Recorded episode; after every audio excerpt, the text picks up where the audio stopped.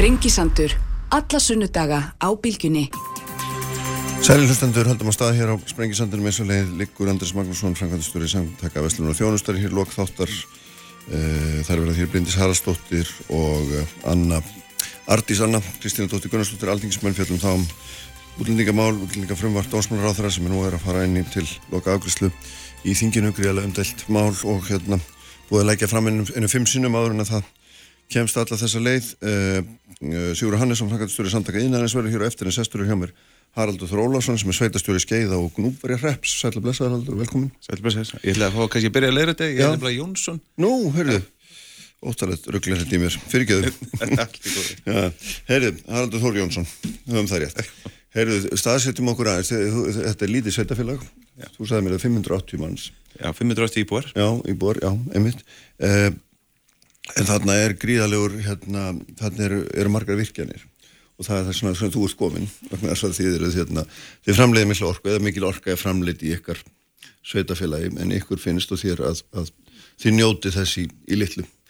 Já, það er, eh, það er ótrúlega kannski sorgleg staðrind að hérna, upphafa ráðorkuframleyslu og landsverkjum að stopna á sínum tíma til að byggja búrfælsverkjum og, og, og þjóðværslega sátt um það að byggja undir stóriðu það sem var lagt að staði vegferð. og þannig að búrfælsverkjum eh, byrjaði að framlega ræðmagn 1969 e, bara svona til að setja þetta svona í pínlítið samengi e, frá þeim tíma þá hefur íbúðum skeiðugn og bara hefst fækkað. Mm -hmm. orkan fór í Hafnafjörð í Ísall svona í upphafi. Þar hefur íbúðum fjölgað um 20.000 á síðustu 54 árum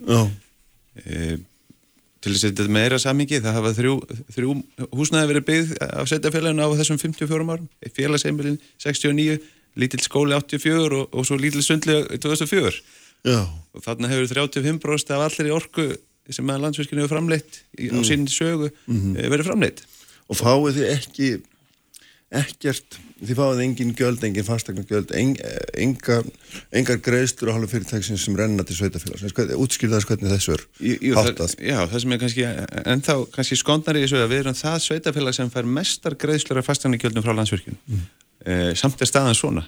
E, þegar það var að fara að staði þess að vegferða sín tíma þá var náttúrulega að byggja undir það að fá stórið til landsins. Það þurfti að búa til ódýra orku þess vegna hefur reglverki verið sett upp þannig að af öllum þeim mannverkjum sem þarf til orkuframlislu að þá er einungis stöður húsi einungis húsi utanum turbínunar sem að ber fasteinagjöld öll önnur mannverki mm. þau ber engin gjöld e, svo er það þannig að í upphafi sko eins og ég sagði aðan þegar hérna, félagsemilu var byggt 69 og saman tíma búrfell og, og 15 ára setna kom skólið sem að kannski í dag ber svona kannski 60-80 krakka mm -hmm.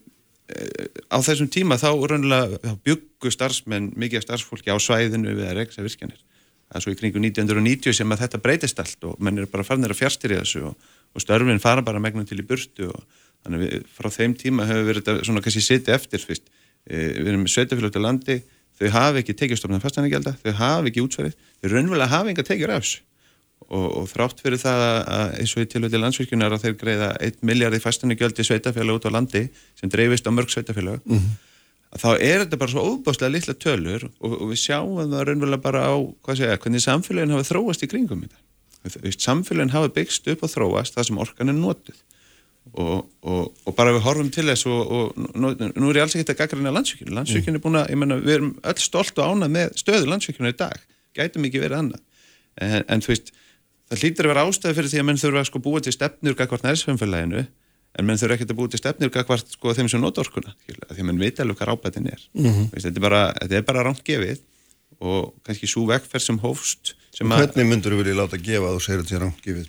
Ég, við, sko, við hljóttum að kannski getur bara gert þar kröfur sko, að grein sem fór á stað með sér lögjöf um landsverkjunar bara sem dæmið í upphafi þá reglugjörðum landsverkjun sem sagði landsverkjun bæri skilda að hafa tildæk orku í kerfinu og henni bæri skilda að gera hvað sem er til að afleinar þannig voru lögin. Mm -hmm. svo fyrir einhverjum áratum síðan þá er þessu breytt þá koma nýlega um landsverkjun við færum ráðverku framlýslu og samkemnismarkað allt í ennur bara leikreglun allt aðrar. Og, og, og í dag er þannig að rafmagn í Íslandi búið. E, landsvirkjun ber ekki lengur skilda að hafa tilbæri orku í kerfinu. Í dag er það þannig að stórnöndendunir eru með raforkarsamninga þeir fá sín orku. Mm. almenningur og vennileg fyrirtæki þau eru afgangsstærði í kerfinu. Þess vegna er núna komið inn í, er, er, er í bíkjar lagasetning til að tryggja ráorku afhendingu almennings. Skilur það, það, það er svo margt ferli frá þetta byrjaði ákveðnum fórsendum veist, þegar þetta var samkeppnismarkar þá hefðu við átt að segja, heyrðu, þá hlótu við að þurfa að láta þessa atvinnugrein, segja, hafa sömu leikreglur, mm -hmm. borga gjöld af mannvirkjum, sömu mannvirkjum vegna þess að ef við horfum á vægi til dæmis fasteignagjaldana, að ef það væri ekki þessi undan þá öllum mannvirkjunum þá eru fasteignagjaldin líklega á bylunni 16 til 20 miljardar og Í stað þess að vera 1 í miljard. stað þess að vera 1 miljardar Já. og ef við horfum á þá frábæra stöðu sem landsvirkjun var að kynna núna í síðustu viku þar sem að sko, skuldir hafa lekka greiðlega eigi fjárstæðar landsvirkjunar er e, í kringum 330 miljardar ef við horfum bara á afsláttinu fasteignagjaldunum síðastu 20 ár þá er það herri tala. Og þá getur við alveg sagt bara, heyrðu, er það ekki bara sveitafélagun út á landi með góðvild sinni og góðsemi sem er bara búið að færa þjóðinni í landsvirkjuna silfursfatti ég get ekki séð öðruvísi. Þess að við hljótum að þurfa að hafa sömu að þetta er, þetta er, sko, ég vil meina það að þetta sé svona, þetta er svona undirrótin af því að við erum í þessar stöðu. Rammi er búin að vera fastur tíu ár, það er afgreitt úr rammaði fyrra eh, nokkru virkjana kostir nýtingaflokk, samt er þannig að það er ekki sátt, ekki sáttur. Mm. bara í, við fórum að staða núna í, í, í okkar sveitafælega fyrir mánuð síðan og, og, og, og lögum fram bókanir þar sem við einfallega sögðum bara, veist, þetta þjónar einhver tilgangi fyrir okkur. En þið, segja náttúrulega meira en það, þið segja bóstalega í ykkar álutinu sveitafélag ætlar að stoppa alla skiplasvinnu og hvetur önnu sveitafélag að gera því sama. Já, það, svona, þetta þýðir hvað nákvæmlega? sko, ef, ef, ef við tölum á íslensku Já. að þá þýðir þetta bara einfallega það við lögum fram þessa bókun, núna 15. februar mm. þá kom stjórn samtaka orku sveitafélag, það eru 20 sveitafélag á bakvið hana, tók undir þessa bókun og kvötta önnur sveitafélag til að fylgja eftir við stofnum starfshóp sex sveitafélag sem er svona þessi stóru sveitafélag sem eru með helstu virkjan í landsvirkjunum og sínu starfsvæði, það er hérna skeiðugnúparreppur, ásarreppur, rangóðing eitra húnabyggð, e, múlaþing og fljóstaðsreppur e, við, við þessi starfsópur hann er núna á fulli vinnu ætla bara að koma fram með hugmyndir eða hvernig það er að breyta lögun við ætlum bara að gera þetta strax. Mm -hmm. hérna, öll þessi sveitafélag eða, eða hvað? Já, Því í þessu er einhver, já, sko- er einhver hótunatótni í ykkur hérna. Nei, nei, nei, það er engin hótunut sko, öll þessi sveitafélag er að taka undir þessa bókun hvert og fætur annar, öðrum. En hvað þýðir það nákvæmlega að skiplasvinnu verður hægt? við, við, við, við skulum bara við skulum tala rosalega skýrt. Mm. þeir virkjana kosti sem er í gangi í dag. Við erum með Kvamsvirkjun sem er búin að fara í gegnum allt skiplasferli hún er að borði sveitistjórn skefnubreps og rangoðin sitra að veita frangatilefi við þurfum raunverulega bara fjallum það á þann hátt. e, það er mjög margt ámælisvert í því ferli. Bara sem dæmi að það hefur ekkert verið fjallað um samfélagslega áhrif í 20 ára undirbúningi. Samt eigum við að meta gögnin og veita frangatilefi e, hvað var það sko ramma áallun og, og við, við, við höfum heyrt mikið til dæmis landverð tala undanfærið um freysni vanda sveitafélag mm -hmm. sveitafélagin megi ekkert hafa út úr þessu sko það er því svo mikil freysni vandi það er allt virkað það er engin freysni vandi sveitafélag vegna þess að það eru skýri lög sem heitir rammaáallun e, rammaáallun ákvarðar hvað má virka leið og virkjana kostur fyrir nýtingaflokk þá ber sveitafélagin skildaði innlega það í sitt skipulag við höfum ekkert um þetta að segja mm -hmm. eina sem við getum gert er að streytast pínlítið á móti og, og staðan er þannig að, að til dæmis þeir nýtingarkosti sem fóru í nýtingaflokki fyrra, 22. júni að sveitafélagunum ber skilda innan fjögra ára að innlega þetta í aðalskipula sitt en við höfum heimild til að segja við skipulastofnun innan árs erðu, við viljum að fá senkun þá senkar þetta í tíu ár. Mm -hmm. svo eftir tíu ár þá getum við sagt með góðum raukstunningi við viljum fá þrjú ári viðbúti senkun uh -huh. þannig að hámarki getum við senkað virkjanaframlega í 13 ár. Er það það sem vakið fyrir ykkur?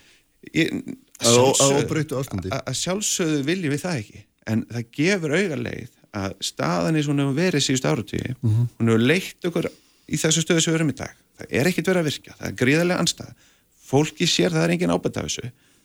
Ég vil meina það óbreytt ástand gengur frá, frá sko bara hvað við segja, jarðar sveitafélagin endanlega samfélagin, það er engin samfélag Veist, við verðum að fá sömu leikreglur. En þegar þú talar um ábóta þá náttúrulega hérna, þá ertu að horfa mjög þröngt á þann ábóta því það er, það er ábati af orkuframleyslu þó nýtist ekki þér Já, nýt, það er ábætt af orkunni að sjálfsög, Já, gríðarlega ábætt já. og hann er sko tög og jafnvel hundrafalt meiri heldur en það að við fáum bara sömu leikreglur Mhm. Vist, ég bara segja, er óæðilegt að við fáum fasteningjöld hérna, tökum samanbörn berum saman nokkuð dæmi, þetta er Kárnökuverkin mm -hmm. þetta er einn stæsta vassaflsvirkun í Evrópu, 690 megawatt. E, gríðarleg mannverki e, meir og minn allt áhrifasvæðið í Múlaþingi. E, Múlaþing þurfti að fara í gegnum hæstaréttadóm til að fá tekjur af vassréttindunum tekjurnar á ári á heilega verið gíska 11 miljónir 11 miljónir fljóstaðsefur er með stöðvarhúsið mm. fær 120-30 miljónir í fæstinnikjöld sko, Kárníkavirkjum framlega ramagn með að við sko, ársenni glansverkjuna fyrir svona 35 miljardar landsnett flyttur orkunni nýra á austferði við vitum alveg uppbygginguna sem eru orðið á austferðin síðustu 15 ár frá því Kárníka fóru, fóru gang. Að tekjur nærsamfélagsins af þessu og fæstinnikjöldunum mm sé eitt þriði af fastanigjöldinu sem að tónleikarhúsi Harpaborgar ef við tökum öll orkum mannverkin á Íslandi öll flutningsnetin, öllis mannverki mm -hmm.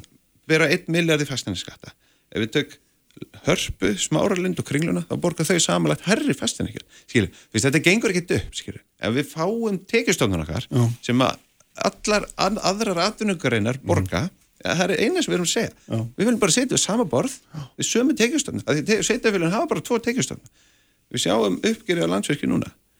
1 miljardar í fastanagjaldi setjafélagina 50 miljardar í arð og tekjuskatti ríkisins.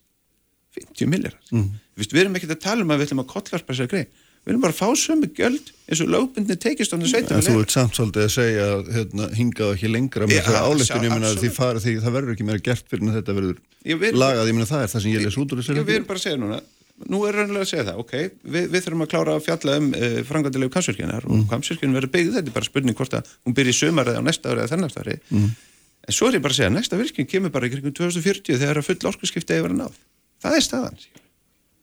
og, og við verðum að horfa stögu við þetta mm -hmm. að það er ekki hægt að svelta sveitafélagin til líðinni, valdi við sveitafélagin til líðinni og segja bara, herðu þið eigi bara að taka þessu og þeia fólk er bara búið að fá nóg. Mm -hmm.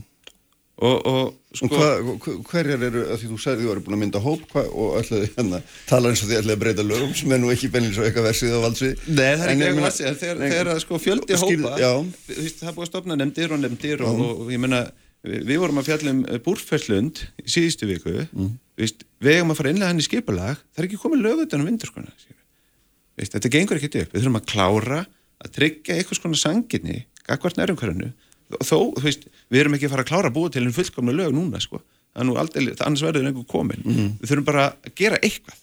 Við þurfum að komin eitthvað svona ferðlega stað leifa eitthvað um ábót að fara til næstsamfélagsins og svo skulum við gefa okkur kannski eitt ári að klára að gera móta, fullmóta reglverk mm. en við, þessu vinna sem við setjum í gang snýrist verður bara um það. Komum bara borðinu, sínum hugmyndir. Það er búið að tala um nærsamfélagi mörg ár, það er engin skilgreinda það veit ekki hvað þýðir. Mm. þetta er bara að heita karteflan og með að við veitum ekki hvað þýðir hvernig við þá láta nærsamfélagi njóta ábata og sangja þann máta? Mm. Er það sér dreskilið ef að, að, að vindorka að þá er sömu reglur sem til gildum það að það veru engin fæslingargöldu eða, eða lámark ég, ég sko með, með hérna það er við, það er nú einu, tværu vindmilunar á landinu eða skeiðagnúbarhafi við fáum fæslingargjöld af 5 fermetra steipuklumpiski að ég man ekki hvað hann er stórskil eh, við fáum einhverja tíuskalla í fæslingargjöld það er engin tekjur af vindorkuverum í dag eins og þetta lítur út sko. það, það, það er bara svolítið og, og þá segjum við eins og, og þessu búrfjöldslendur horfum okkur veist Bláa lóna er farið í gríðal uppbygging upp í Þjórsöldal 13 miljardar uppbygging á, á, á, á geggiðu ferðarþjónustverkanu sem að mun skapa átti 200 störf í okkar nærumhverfi. Mm. eigum við að fá vindorkugarð hínum með við fjallin sem að svona skemmir heldar upplifun á svæðinu og skilar sveitafélagun enga tekjur? Það gengur ekki til Þú ert sérst að segja það að, að hérna, þið viljið þetta ekki? Ég er bara að segja það að En hvað hva, hva þarf að borga ykkur mikið til þess að þið viljið þetta eða þið viljið ekkert í grunin? Það þarf ekki að borga ykkur neitt, við viljum bara fá sömu tekistönd og sveitafélag. Það er... Og, og, og hvað þýðir það í stórumyndinni? Það já. þýðir bara sára litlu pinningar. Já. En það þýðir það að við getum kannski fara að byggja upp samfélag þar sem fólk vil búa í því. Mm. Þessi dag erum við ekki með, við erum með svo veik samfélag að, að þú veist, þetta, þetta, þetta, þetta gengur bara ekki. Þannig að þegar þeir þurfa að velja milli að óbreyttu fyrirkomulagi þess að hérna, þessari uppbyggingu bláalans sem þú ert að nefna og svo þess að gefa framkvæmdulegi fyrir, fyrir vindorku þá er valið bara augljóst. Bara augljóst. Og þetta þurfum- verður bara ekki neitt meðan þetta er óbreytt svona. það, verður ekki neitt vegna þess að sko það, það er að um þannig. þessi orkuskipti og vindorkuna inn í það, það, þetta er bara, eins og þú ert að lýsa því, þá er þetta bara ekki mögulegt. það, það, það bara gerist ekki og vegna þess ekki fyrir en eftir 15 ár þegar það er búið að þröngva þessu inn á og við erum búin að berast á móti eins lengi við getum samkvæmt lögum. Nei, en, en við verðum að horfa það að tækifæri okkar til að byggja upp samfélag er að byggja upp atvinna stanum atvinni sem borgar skatt og gjöld í gegnum tvo teikistofna fasteinu gjöld útsvar. Ef það byggist upp ferðarþjónustöfuna á óspildri náttúru mm. þá verður til, sta, verður til staðbundin störf og verðmætti sem gerur okkur kleift að byggja samfélag. Við getum ekki fara að láta starfsemi sem korki ber fastanegjöld og, störfin er ekki á staðnum fara að skemma möguleika okkar. Við þurfum að hafa sambarlega tekjur af þessum, þessar starfsemi. Og, og ég segi það, veist, ég vil hérna, hefja þessi verk, verkferð á, á, á hérna, okkar svæði þjórsar og túnasvæðinu þetta er mikilvægasta orkuvinnslu svæði þjóðurnar orkuskiptunum á Íslandi er ekki hægt að ná fram nema á þessu svæði Þarna er hægt að virka í vassafli 700-800 megavötti viðbót, það er hægt að setja 1000 megavötti að vindóna á þetta, það er hægt að klára orkuskiptin svona fyrir utan kannski millilandaflugið mm. á þjórsar tungnasvæðinu. Mhm. En það er ekkert annað svæði á landinu sem getur klára orkuskiptina. Þetta er mikilvægsta svæði og það sem því til viðbótar, ef við horfum út frá náttúruna, sko, náttúruliðinu og, og að, að segja, að raska sem minnstu, Já. að fluttningsnetið frá okkar svæði til höfuborgarsvæðisins háspennulínunar eru að kerra á 220 kW spennu, það er hægt að hækka spennuna upp í 420 kW sem þýðir það að við þurfum ekki einu svona að byggja meiri fluttningsnet. Það er hægt að tvöfalda raforkuflamlustun á svæðinu og meira en það og koma það í gegnum núrandi fluttningsnet. Mm Þannig að sko það að við séum í alverðinni þeirri stöðu að rífast um það hvort sveitafélagin fái fastanegjöld eins og aðra rættunargrunni eða fái Það sambarlega er enginn í tekjur. Vörslu þannig að þú. Já, Er það ekki? Jú, kannski, það er að allir aðri njóta ábatans. Já. það, það, það er kannski vandamáli En þú- ég veit að þú ert búin að vera að tala við fullt af fólki um þetta, ekki bara mig heldur eh, marga aðra, þú ert búin að vera á fundum í landsverkinu og válítið hittar aðamenn og þingmenn og allt þetta og hérna, allir segja já ég ætli, ég ætli með þess að koma til leið á mér. Að því að sko vandamáli er að staðrindindar eru svo Veist, það er enginn að fara að sætta sig við þetta að, að byggja upp gríðarlega starfsemi og hafa engan ábata því. Það, það, veist, það er bara þannig. Veist, ég þarf að fara til lög, sveitarstöndarlögum og í þeim þarf ég að passa upp á fjára sveitarfélagsins og nærum hverfi og íbúana. Mm -hmm. e, uppbygging orkumennur í núverandi lagaðungjör hún stríðir gegn lögum sveitarstöndarlögum sem mér ber að starfa eftir. Það, það gengur ekkert upp. Vist, í, í, sko, ég hef haft frábær samstarfi landsfyrskjörn og, og ég, ég hörður um funda fjölmörga fundi og, fullt, og, og ég hef fundað með fullt af starfsfyrkjörn landsfyrskjörn og ég get ekkert nema gott sagt um það er þess að var það þannig að sko, landsfyrkjörn sett af stað vinnu um að greina fjárhagslega áhrif og það er tölu síndi bara fram á það. Ég var bara að segja rétt sko. það var bara, jú, í ákvæmnu tilfellum þá höfum við eitthvað nábæta, í öðrum tilfellum þá höfum við jafnvel beint tap. Veist, þetta er svona, reglverki bara er svo brenglað. Við sjáum eins og ég hef sagt hérna, blönduverkjum byggð 1991 með fögrum fyrirheitum með mikla atvinnu uppbyggingu fyrir norðan. Mm. 30 ára liðu og það gerst ekki neitt. Það, þetta er bara að segja sér skilur. Þú, það, það er bara þannig að þegar uh, samfélög eða hópar af fólki setja saman við samningaborð til þess að fara í verklega framkvæmdir að skipta með sér gæðum þá er það þannig að til þess að sátt nástu hlutuna þá þurfa allir að koma með eitthvað frá borðinu. Við setjum við þetta borð, búin að setja við þetta borð í meira en 50 ár og við höfum ekki fengið neitt. Og við, eins og ég hef sagt sko, við erum alveg tilbúin að bara fara frá borðinu með ekki neitt. En þá förum við líka bara að byggjum upp okkar samfélag út frá þeim atvinnugreinum sem að hafa sangjarna leikreglur. Já. en það er ekki orkuvinnslu. Og ég segi bara, og það verður ágætt að spurja næsta mann sem kemur þetta inn hvernig hann sjáu framtíðina fyrir sér Já. ef það verður engin aukin orku í veist, við erum að tala um öll helstu stefnumál ríkistjórnarinnar, við erum að tala um gríðarlega þrótt í atvinnlífinu það eru allir að öskra orku.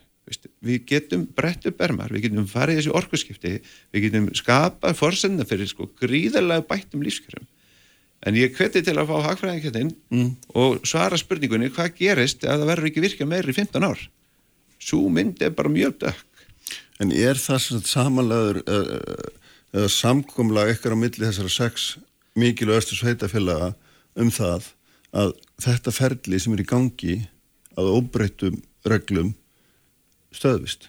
Ég meina, er, er það í alvöru það sem þið eru að tala um? Ég, ég, ég get náttúrulega ekki talað fyrir hönd annara sveitastjórnir. Nei, þið hafi verið að hittast um þetta. Aðra sveitastjórnir eru búin að taka okkar bókanir upp í sínu sveitastjórnir. Man taka undir þær og kom, komin í þess að vekkferð. Það er þannig. Og, og þú veist, það er ástæð fyrir því að fólk er, ég get nána sagt svolítið heitt í hamsi. Mm. Þetta er bara gríðalegt, óréttlæti smál. Þetta er bara gengur ekki upp að við séum að byggja upp tvær þjóðir í landinu önnur sem á að búa við það að hafa ekki ábútt af starfseminni nær einhverjum sínu mm. og svo hinn sem á að búa við það að veist, allt er í blóma og ég hef oft líkt þessu, hver þekkir ekki einn að frasa sko hérna síðastur út þar að munna slökka ljósinn sko, mm. veist, það er búið að vera partí í ára tíu, við út af landi höfum ekki fengið að vera með í partínu núna þarf ekkert síðast að slökka ljósinn ljósinn er að fara að slökna, rannan er mm. búið mm. skilur, við viljum bara fá að vera með í sambarlegu samfélagi, samfélagi eins og við búum við í þessu landi mm. og það þýðir bara eitt sömu leikreglur gildi fyrir þessa starfsemi eins og aðra starfsemi Þannig hún greiði sínu skatt og skildu til næst það er, er það er eina krafan Það er eina krafan, uh -huh. engar, engar kröfur um neitt, annað heldur en að sitta við sama borði mm. með sömu leikreglur og ef að ríkistjórnin áttast ekki á því að hún þarf að bóða okkur á fund mm. og fara með hérna, frumvarpinni þingi núni í vor að þá senkar þetta fram á haustingi að áramótum að gera eitthvað. Og, og sko ég get alveg komið tölur hérna borðið sagt að sko tjón samfélagsins er fyrir að laupa ekki í miljórum, heldur tögum miljard, það er hverju mánuð sem við draugum þetta? Spurðu næsta ræðimannum hvernig verðmæntasköpum verður eftir fimm ár í samfélaginu, mm. hvað töpum við miklu ef, að, að, það er ekki orka? Mm. og ég menna landsvíkjun fórstjóður landsvíkjun kom fram á ársfundinum í síðustu ykkur eina vandamál okkar í dag verðum að segja nei við alla viskitvenni það, veist, það er hafinn gríðarlega uppbygging nýri í verður að eða vanna 100 miljardum uppbyggingu. Ef að kvamsvirkjum fer ekki á stað núna og ef að búrfærslundi fer ekki á stað það er ekki til ramagn í það. Mm -hmm.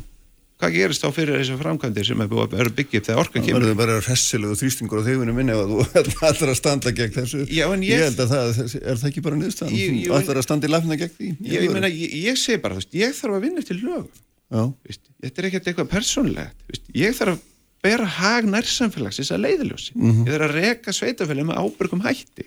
Ég geri það ekki í óbreyttri mynd. Nei, nú hefur maður séð að hérna, allavega orkamálráþrann hefur verið að reyndar í kringum vindorkuna aðalega held ég verið að viðra hugmyndir sem eru kannski ekki óskildar því sem þú vart að nefna. Verði meira, hérna, meira eftir í í næstsamfélaginu hann er sammála og mm. ég er búin að funda með orkumálaráðara, ég er búin að funda með fórstjóra landsverkina, fórstjóra landsnett, fórstjóra rarik, ég er búin að funda með sko þeim virkjana anstæðingu sem hafa mest barast á mótu kamsverkina mm. það er allir sammála. Ég skil ekki vandamáli, setjum bara niður og leysum þetta. Byrjum svo að virkja. Mm. Þannig að krafan er að það fari 14-16 miljardar í fastingjöldin út á land. Bara, bara eh, sam, eh, hvað hvað ég segja, ef ekki orðað þannig ekki þetta fastingjöldin, bara já. sömu leikreglur. Já, já, en það, en, sömu sko, leikreglu þýða þetta, ekki það? Já, það, það eina sem kannski, við hefum sagt, sko, mm. það að e, það er borðið að byrja að borga fastingjöldu fullu, það myndi kalla á ákveðið svona óréttláta dreifingu fjármagna. Við erum að vinna núna hugmyndir sem við ætlum að byrta núna, þetta er bara vonandi í þessu mánuði, um það sem við ætlum að skilgræna nærsamfélagið og segjum, veist, dreifum þessu ekki ósangjar, dreifum þessu miklu víðara og miklu sangjarnara og ég held að það muni verða grunnurinn af sátt. Hvað meinar það með þessu nákvæmlega? Ég bara, hvað er nærsamfélag? Er nærsamfélag akkurat það sem eitthvað hús fer hún í jörðin? Er nærsamfélag, ef við horfum til dæmis á Búrfellund, hann er á mörgum Rangaþingsitra, Skeugnúbarhefs og Ásarhef, mm. algjörlega á mörgunum. Þær þurfa að tengjast inn á spennarverki í skeiðugnúparreppi og ásarreppur eru við hliðin á. Algjörlega sama sjónran áhrifisvæði í öllum trefnum sveitufélagum mm. það er ekkit samgjamt að það sem priki fyrir hann í örðina að það berur alla tegur nærsamfélagi í vindorku þarf að vera þetta sjónran áhrifisvæði þannig að allir sem verða fyrir áhrifum framkvæmdarinnar þeir njóta ávinnings. Mm. við erum, ef við horfum á vassablið þá er það ekki bara þannig akkurat hvar stöðvarhúsið er sem að verðmöndin verður til. Það er allt vatnarsvæðið ábatinn þarf að renna til fleiri sveitafélag mm -hmm. það mun styrkja tekistofna sveitafélagana allra og það mun, það mun öll sveitafélag í Íslandi hagnast ás vegna þess að hver er aðal umræða síðustu mánu ára það eru veikir tekistofnið sveitafélagar það eru van fjármögnum sveitafélag mm -hmm. þetta mun bara auka tekistofna inn í sveitafélag mm -hmm. og, og, og, og hinbúinn þá myndast þá losum við þennan orkuskort sem við stöndum fram með fyrir dag sem er orðin alveg gríðalegur að því að hann er raunverulega þá sem er að skapa mesta tjónið. Það er þessi kyrstega, það er þessi pasta. Mm.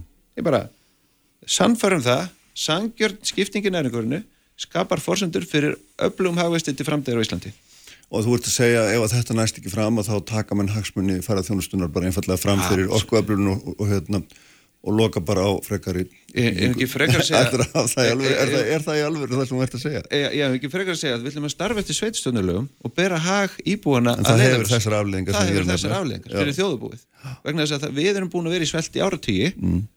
þetta hefur verið ósangjart og, og veist, það þarf að leiðrætta þetta óreillæti og ég er að segja það fullum fettum sko, sveitastu skeðugnúparhefs á mikilvægast orkusvæði landsins hefur stoppað vinnu í skiplarsmálum og við munum ekki hefja hann aftur mm. fyrir en að það er búið að leiðrætta þetta ranglæti.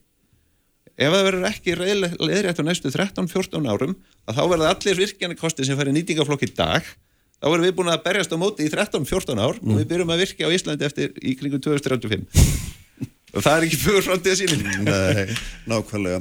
Og til þess að breyta þessu til þess að það sé svona ráðu tíma tekið þá þurfti að hérna, leggja fram frumar að þingi vor sem að þú veist nú sjálfur að er nú ansi langsótt. Ég þess vegna held ég að eina lausnin á sem mála það að ríkistjórnin og við sem erum í þessar vinnu mm. setjum snið við sama borð, finnum einhvers konar lendingu til þess að fara í þessa vegferð.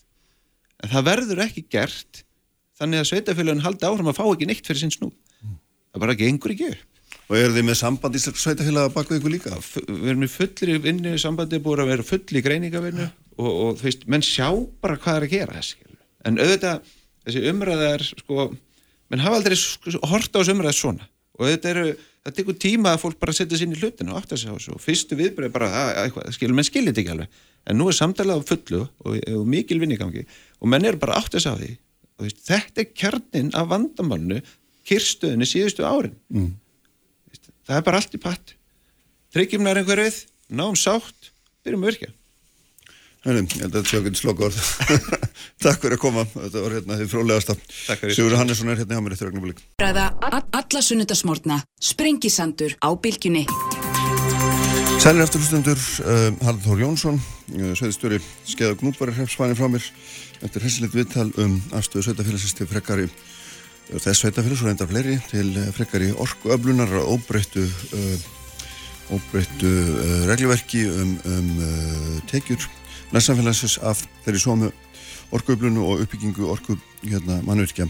Nú Andrés Magnússon, frangandstöri samtaka Veslunar og Þjónustur í lokþáttar, þar eru hérna líka Bryndís Haraldsdóttir og Ardís Anna Kristína Dóttir Gunnarsdóttir, alþingismenn hérna einhvern tímún svona um 11 en sestur í hér góðu gestu Sigur Hannesson frangandstöri samtaka Einarins, allir blessaður. Góðið sæl, takk. Uh, sko það er svona ef ekki kannski bara eins að byrja í orkunni, því voru mikið að tala um hana Já. og hérna, hvernig leist þér þess að sviðs, sviðsmynd sem hann Haraldur var að draga hérna upp?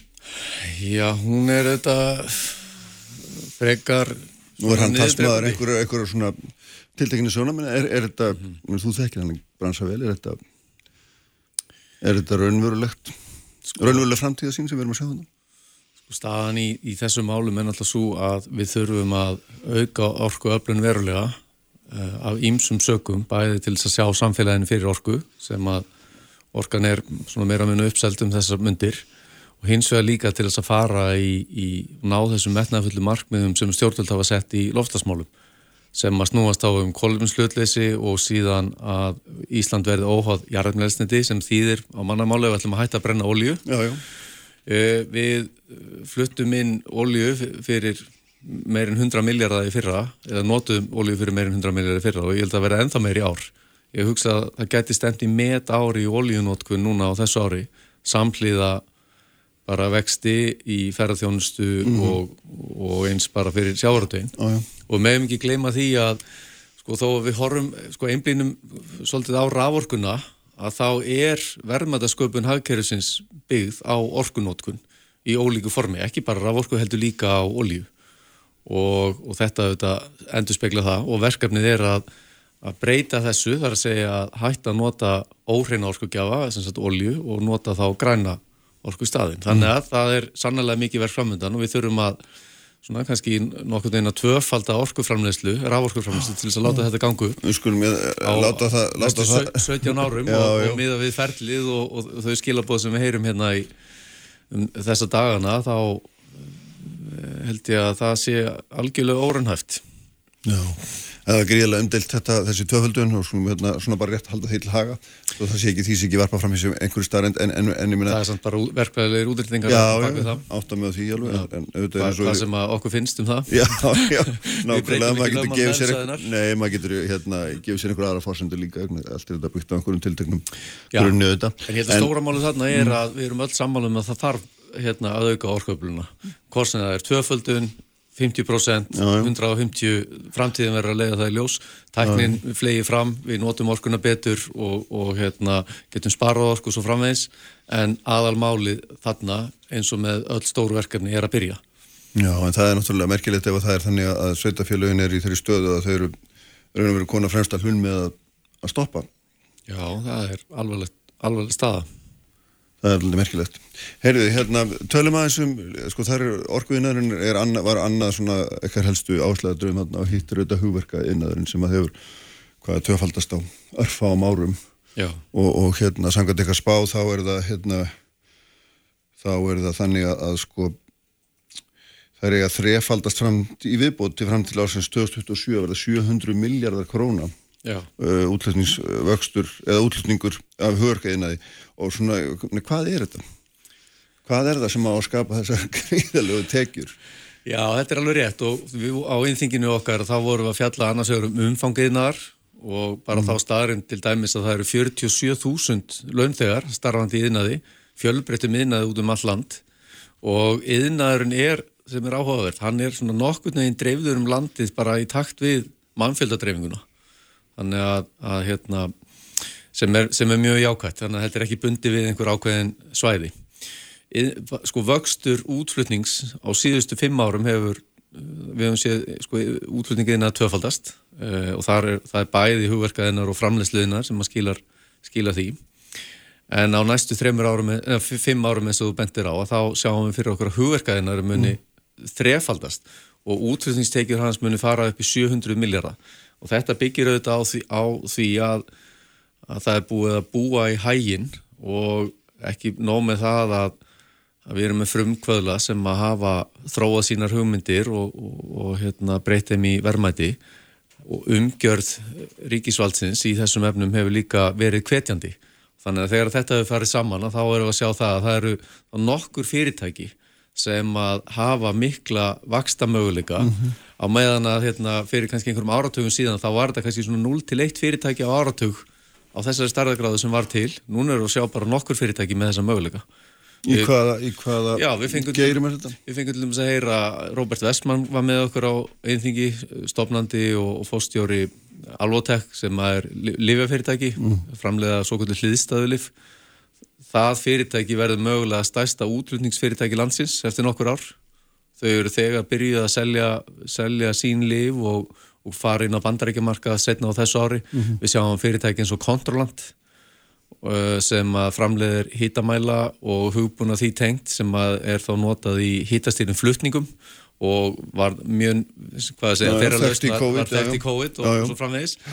Um, þau er, það kom fram á innþinginu að þeirra tækni er svona einu til tveimur árum undan markanum öðru leiti. Uh, ég get nefnt eins og Keresis sem framleiði sáraaumbúðir, hérna, sem byltingakend nýjung. Það eru held ég kringum 50 starfsmenn Keresis bara á Ísafyrði munar um minna á, á, hérna, á slíkum stað.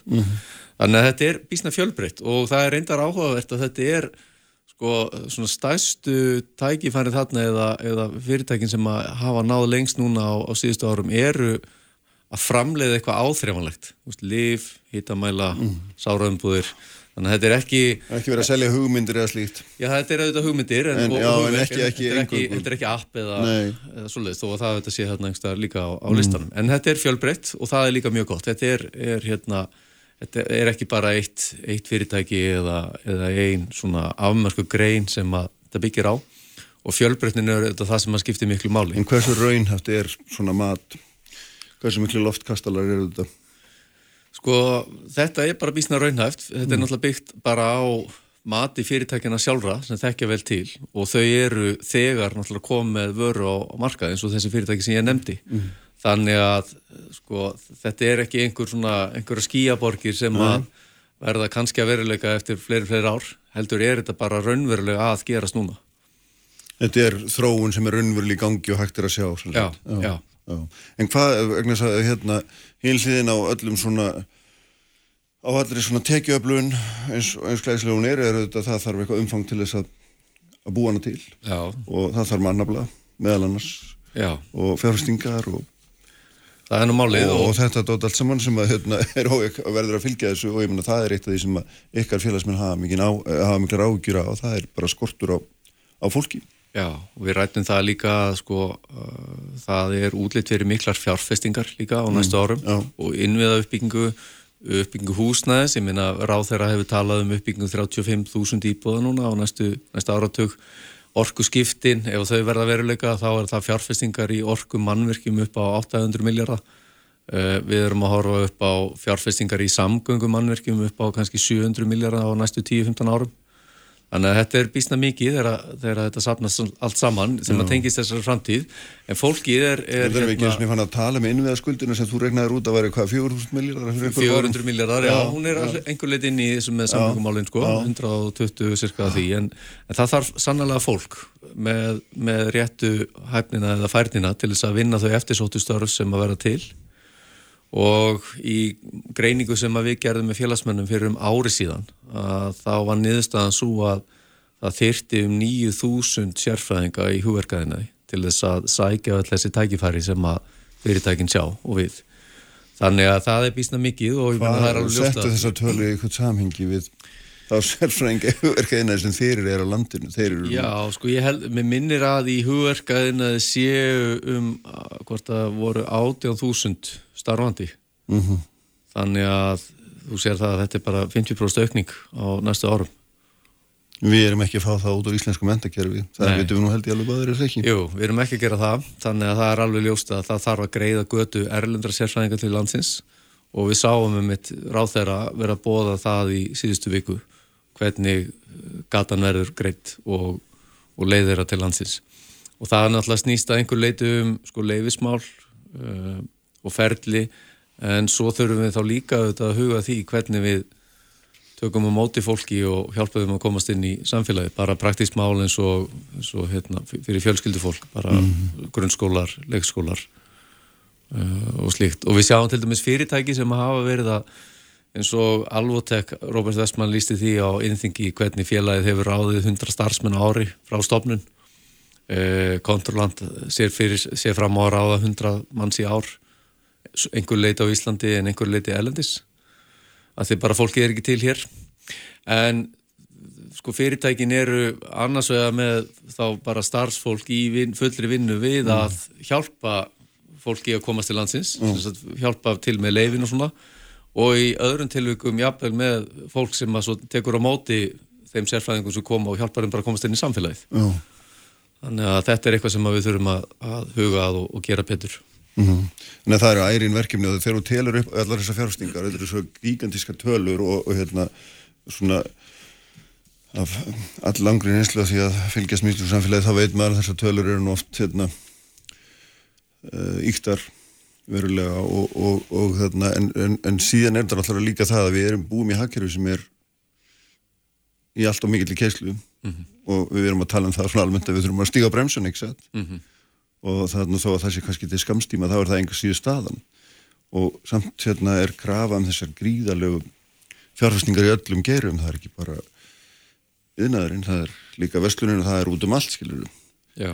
þannig að þetta er einhvern veginn mynd sem að einhvern veginn passar ekki alveg saman. Sko þessar fjárfestingar sem ég tala um eru náttúrulega fjárfestingar í hagvæsti framtíðar Já. og það er umbætur sem við höfum talað fyrir miða fyrst og fremst að því að að svona á tæknimáli styrkja frambóðslið hafðkerfisins, það er að segja við viljum bara auka þannig að afkasta getan aukist og það er auðvitað forsenda þess að það sé hægt að, að hækka laun á landinu. Að það verði til meiri vermandi og þannig að þessar aðgerðir og þetta er þá fjárfestingar sem að miða því að, að gera það nákvæmlega að, gera það kleift að skapa meiri vermandi en það er auðvitað alveg rétt að það er Um, það er uh, talsverð verðbólka um þessa myndir bæði hér á Íslandi en ekkert síður annar staðar. Um, við erum að sjá það hvernig þessi innflutta verðbólga er að koma inn af, í meira mæli sko, í verðbólgutölunar hér á meðan að framan af að þá skýrðist að miklu leiti af húsnæðis hérna, verðhækkunum og síðan af getum sagt hérna, hækkun á þjónustu sem mm. að svona einhver leiti endur speklar eða er mæli hverðið að byrtingamind af launahækkunum. Þannig að við erum núna þá að flytja inn þessa verðbólgu í meira mæli en það eru auðvitað þættir sem við getum horta á bara hérna heima. Vinnumarkaðurinn eru auðvitað stór þáttur þar um, og þar eh, held ég að það sé alveg ljóst að það þurfa að gera einhverja breytingar. Það má eins og er ekki gleyma því að samskiptin á vinnumarkaði hafa heilt yfir gengi vel nema þá kannski með einni undantekningu sem að er samskiptin við eblingu, ég minna að það náðu samningar í desember við megin þorra almenna markaðarins. Um, af öðrum þáttum má nefna ofnbær fjármál. Mm. uh, þar auðvitað hefur maður svona einhver leiti samúð með, með hérna, ríkistjóninni eða stjórnmálamennunum það er þó að ríkisjóður séu þetta reiki með halla núna þá eru mörg verkefni og, og svona það þarf auðvitað kannski að taka til á umsum stöðum en það mun taka tíma. Hvert verður fram, framlag ykkar yðnaðarins til þjóðarsáttar um að ná niður verðbólgu? Eins og selabankastjórir hérna Svo er um. það, ég meina þá komum við kannski að eins og álækningu og hérna þar hafa geta fyrirtækin lagt eitthvað að mörgum og við erum að sjá í mjög stæmi um það. En það má ekki gleyma því að meina, fyrirtækin eru líka alveg í verðhækkunum herri vöxtum, greiða herri laun já. og svo framvegist, þannig að sögurúmið er auðvitað mjög mismikið en það, mjög, já, misjant en sko það er áhugavert líka að hugsa til þess að sko á undanförnum árum hefur sagt, hvað, hver krísan eða hvert áfallið rekið annað. Uh, við mögum ekki gleyma því að hagkerfið var farið að kólna áður en að heimsfaldurinn skall á. Þannig að fyrirtækin höfðu upplifað þrengingar í einhverja mánuði, síðan kemur heimsfaldurinn, stríðið, verðbólga, vakstahækkanir og svo framvegist, þannig að þannig að sko atvinnureikendur eru þetta orðin því mjög vön að hvað segja, horfa inn á við, leita leiða til þess að gera hlutina betur, skilvirkar uh, og hagkvamar mm. Þannig að ég held að atvinnureikundur séu sannlega á tánum þarna uh, þegar það kemur að þessu en um leið, er ábyrð þarna, engin spurning. Já, ég er nefnilega nefnilega það að þá er þetta líka ljóst að það er eins og bara það er verðbólka, það eru HR vextir, þetta kemur sérstaklega niður á vantilega smæri fyrirtækjum sem eru Já. og nýjum fyrirtækjum sem eru með mikið fjármarskostna og svo framvegis. Já. Og hérna, þeim er náttúrulega ekki lofa lægið að læka verði eða slíkt. Nei. Það segir sjálfu sjálft Sögurum er bara mismikið, það já. er þetta þannig og staðan er, er þraung Já, nákvæmlega en sko það sem er, og, og það sem kemur alltaf líka í fram að, að sko þessu tengt að, að það eru 70, yfir 70, um 75% af ykkar félagsmennum sem telja sko efnarslegan óstöðuleika já. vera sinn stærsta óvinn og þú ert nú búin að lýsa hérna nokkrum árum mm. þar sem, að, sem hafa engjænst af þessu Já, miklu sömur Stöðuleikin felist í því að það er aldrei aldrei tveir dagar eins. Og, og hérna, en ég meina við erum ekki inn í þessu umhverfi með engum hætti þessu stöðuleika umhverfi. Nei, reyndar er það þannig að það er nú engin af, í löndunum í kringum okkur inn í heldur, við sjáum Nei. bara verðbólgu þar en þau er betri sögum það og hérna miklu lengri og sem þau vantarlega geta farið aftur í þegar um hægist Já, mögulega, ég minna þau upplifðu, það er langt síðan að þau upplifðu svona hérna, ástand Minna, það er einhver áratíu síðan við þetta höfum búið sveiflur mm -hmm. svona meira minna í gegnum tíðina það er, það er rétt en verðbólgan er háð þar líka hérna, hvorum með begja einn allanshafsins um, og í Evrópu hefur náttúrulega verið þessi orku og, og jafnvel bara lífskæra krísa mm. núna í í cirka ár Já. þannig að staðan hefur verið þröng En hvað, hvað þarf að gera til þess að hérna til þess að tryggja, tryggja þínum félagsmönnum og okkur öllum þennan stöðuleika því að einu sinni, það er ekkit jú, það er nú einhver ár síðan að samtöku innanreins voru nú fremst í flokki hér við að tala, við, tala fyrir, fyrir því fyrir efru Já uh, Það hefur nú ekki heyrsljóður hodnum það nokkuð tíma? Nei, það er rétt. Samtökuinnaðarins voru, voru þar fyrir nokkrum árum síðan en það var uh, stefnubreiting eða viðhorsbreyting uh, fyrir svona áratöku eða svo og allavega já, félagsmenn hafa hvað ég segja, það hefur ekki verið samhljómar allavega um það meðal félagsmanna að setja það mál á ottin. Mm. Nú eru mörg íslensk stór fyrirtæki sem gera upp í eurum og þess að kalla er flýja í eurur, dólar, stöður myndir. Mm -hmm. Bendir það ekki til þess að við ættum að huga því líka? Hvað finnst þér? Jú, það er náttúrulega bara ólíkt hvað hendar hverjum á einum og eins og ég segi, innan, innan raða samtaka innarins eru mjög skiptar skoðanur um þetta og hagsmunir eru líka ólíkir, mm. þannig að sumum fyrirtækjum hendar sko, þau, þeim hendar vel allsvöldut umhverfi, öðrum fyrirtækjum hendar vel hérna, íslenski veruleikin þannig að, að það er eins og ég segi, bara ólíkt hvernig það byrtist félagsmennum í þeirra rekstri mm.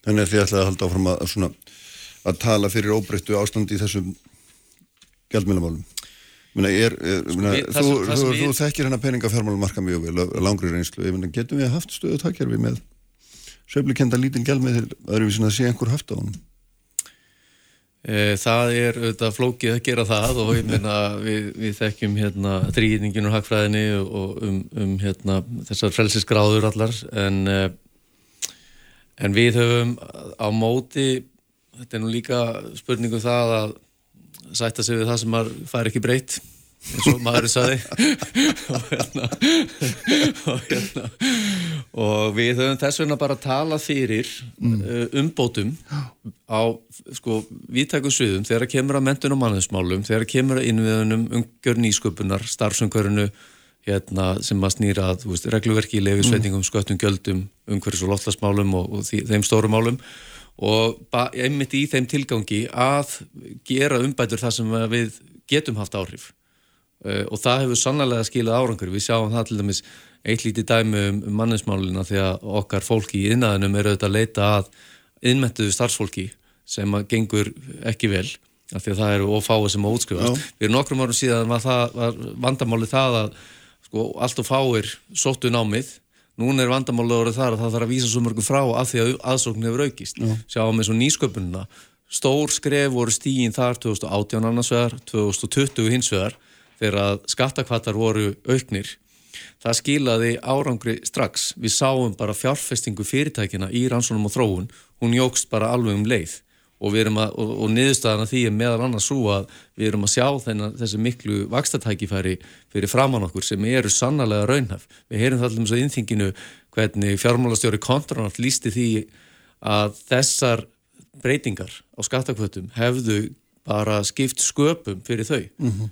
uh, í stað þess að draga saman seglinn, segir fólki á tímum COVID, í, sérstaklega í upphafi COVID að það gáttu þau gefið í og, og þannig byggtu félagið sem við sjáum sannlega árangur af núna. Þannig að það er margt sem hefur gerst, við mögum ekki gleyma því. Mm. Um, uh, við erum auðvitað kannski óþólum á það eðlisfari en við rættum það líka aðeins skemmtilegt á innþinginu að, að meðgöngutími tveggja stóra hugmynda var svipaður. Uh, á fossiðu morgunblassins 27.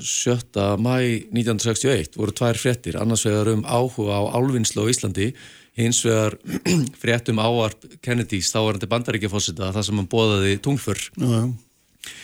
Uh, Áttarun setna, í sama mánuði, júli 1969, verður bæðið þessi markmiða veruleika.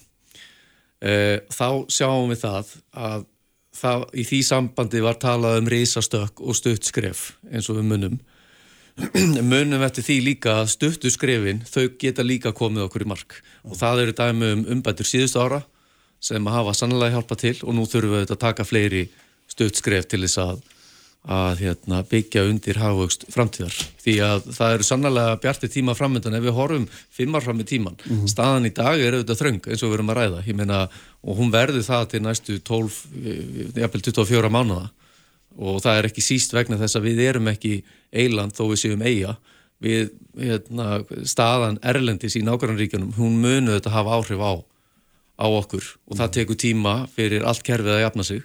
En ef við horfum fimmar fram í tíman að þá held ég að, að framtíðin á Íslandi hafi sjálf að veri bjartari. Það er ekkit annað, það er ekkit um að blómi haga. Er þið gott að vel. Í bíli Takk fyrir að koma Sigurður, gott að fá þig eins og heimilega. Takk sem leiðis. Bryndis Haraldsdóttir, eh, Ardi Sanna, Kristínadóttir, Gunnarsdóttir, Aldíkismenn eru hérna hjá mér eitt raugnblögg. Sprengisandur, alla sunnudaga á bylgjunni.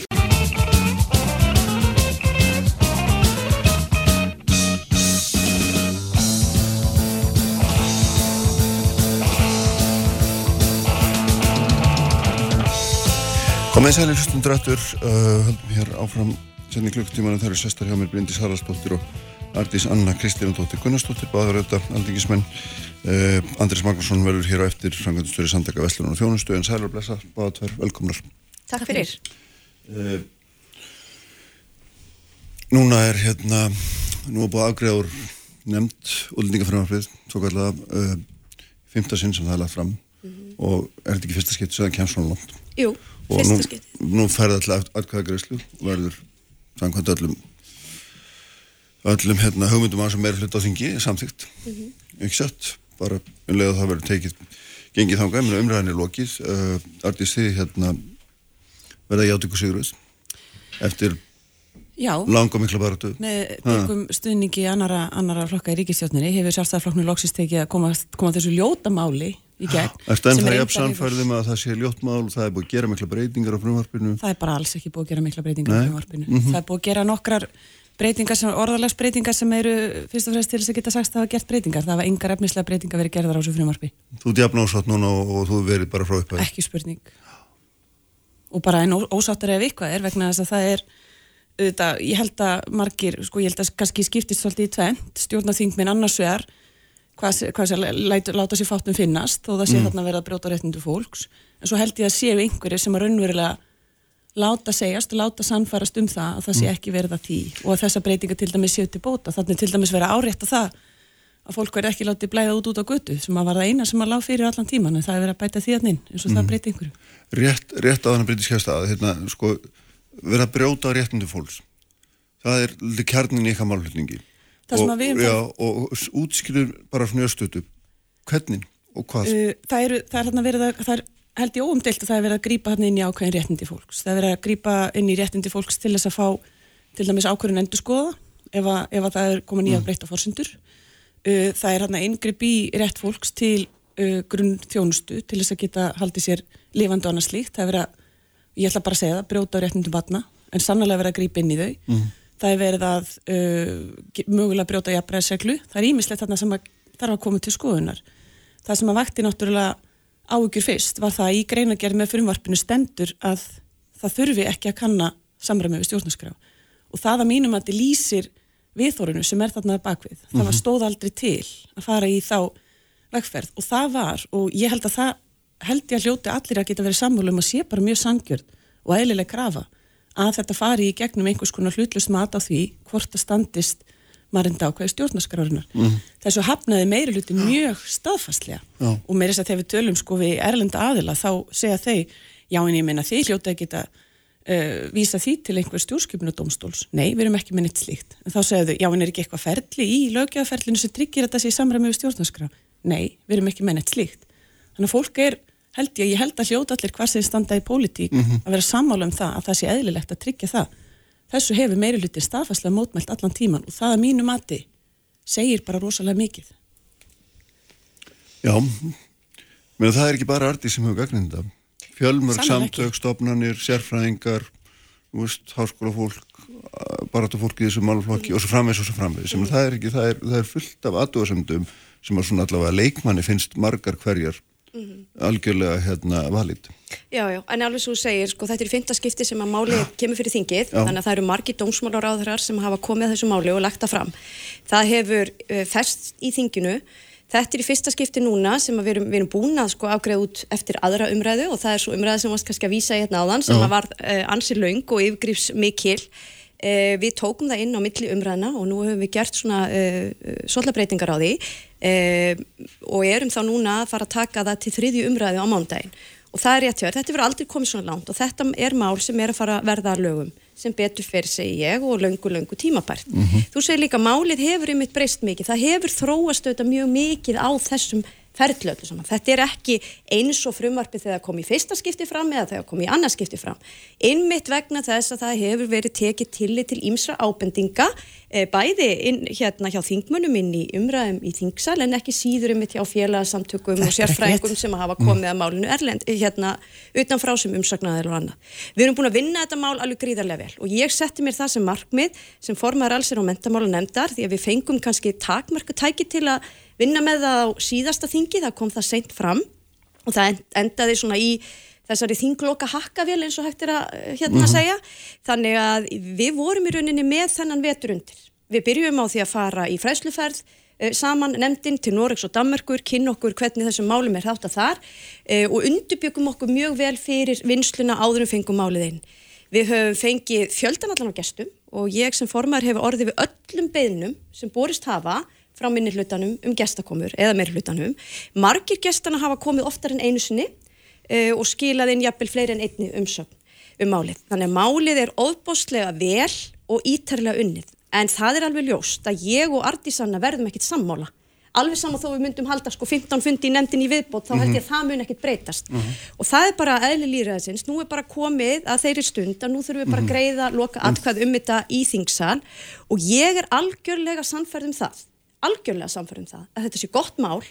Þetta eru bara hóflegar og skinsamlega breytingar á útlendingarlöggefinu okkar og við sjáum það í allri umræði kringum okkur hvað við Íslendingar erum bara svolítið eftir á í allri þróun hvað þetta varðar. Og við sjáum að það er að spretta upp alls konar sko hérna auka hópar út í Evrópu og þetta er að verða aftur á svona ofbúslega hi miklu hita máli Ég vil ymmit að við komum í veg fyrir það og ég held að með þessum breytingum þá við varum að ná vel utanum það en ég bendi líka á, þetta eru þetta bara útlendingar löggefun okkar sem lítur að þeim sem koma hér og er að sækjum hæli og við viljum ákveðna skilvirkni, við viljum vera mannúleg og við viljum gera þetta vel en það er ekki síður það sem að þú varst kannski líka að ræða hérna eh, við gestin og undan er, er sko bara ströymur útlendinga til landsins. Við þurfum vinnandi hendur. Við þurfum að sjá til þess að þeir sem koma hérna, hvort sem þeir komi til að vinna með okkur eða sem flottamenn aðlæðist samfélagin okkar, taki þátt í samfélagin okkar.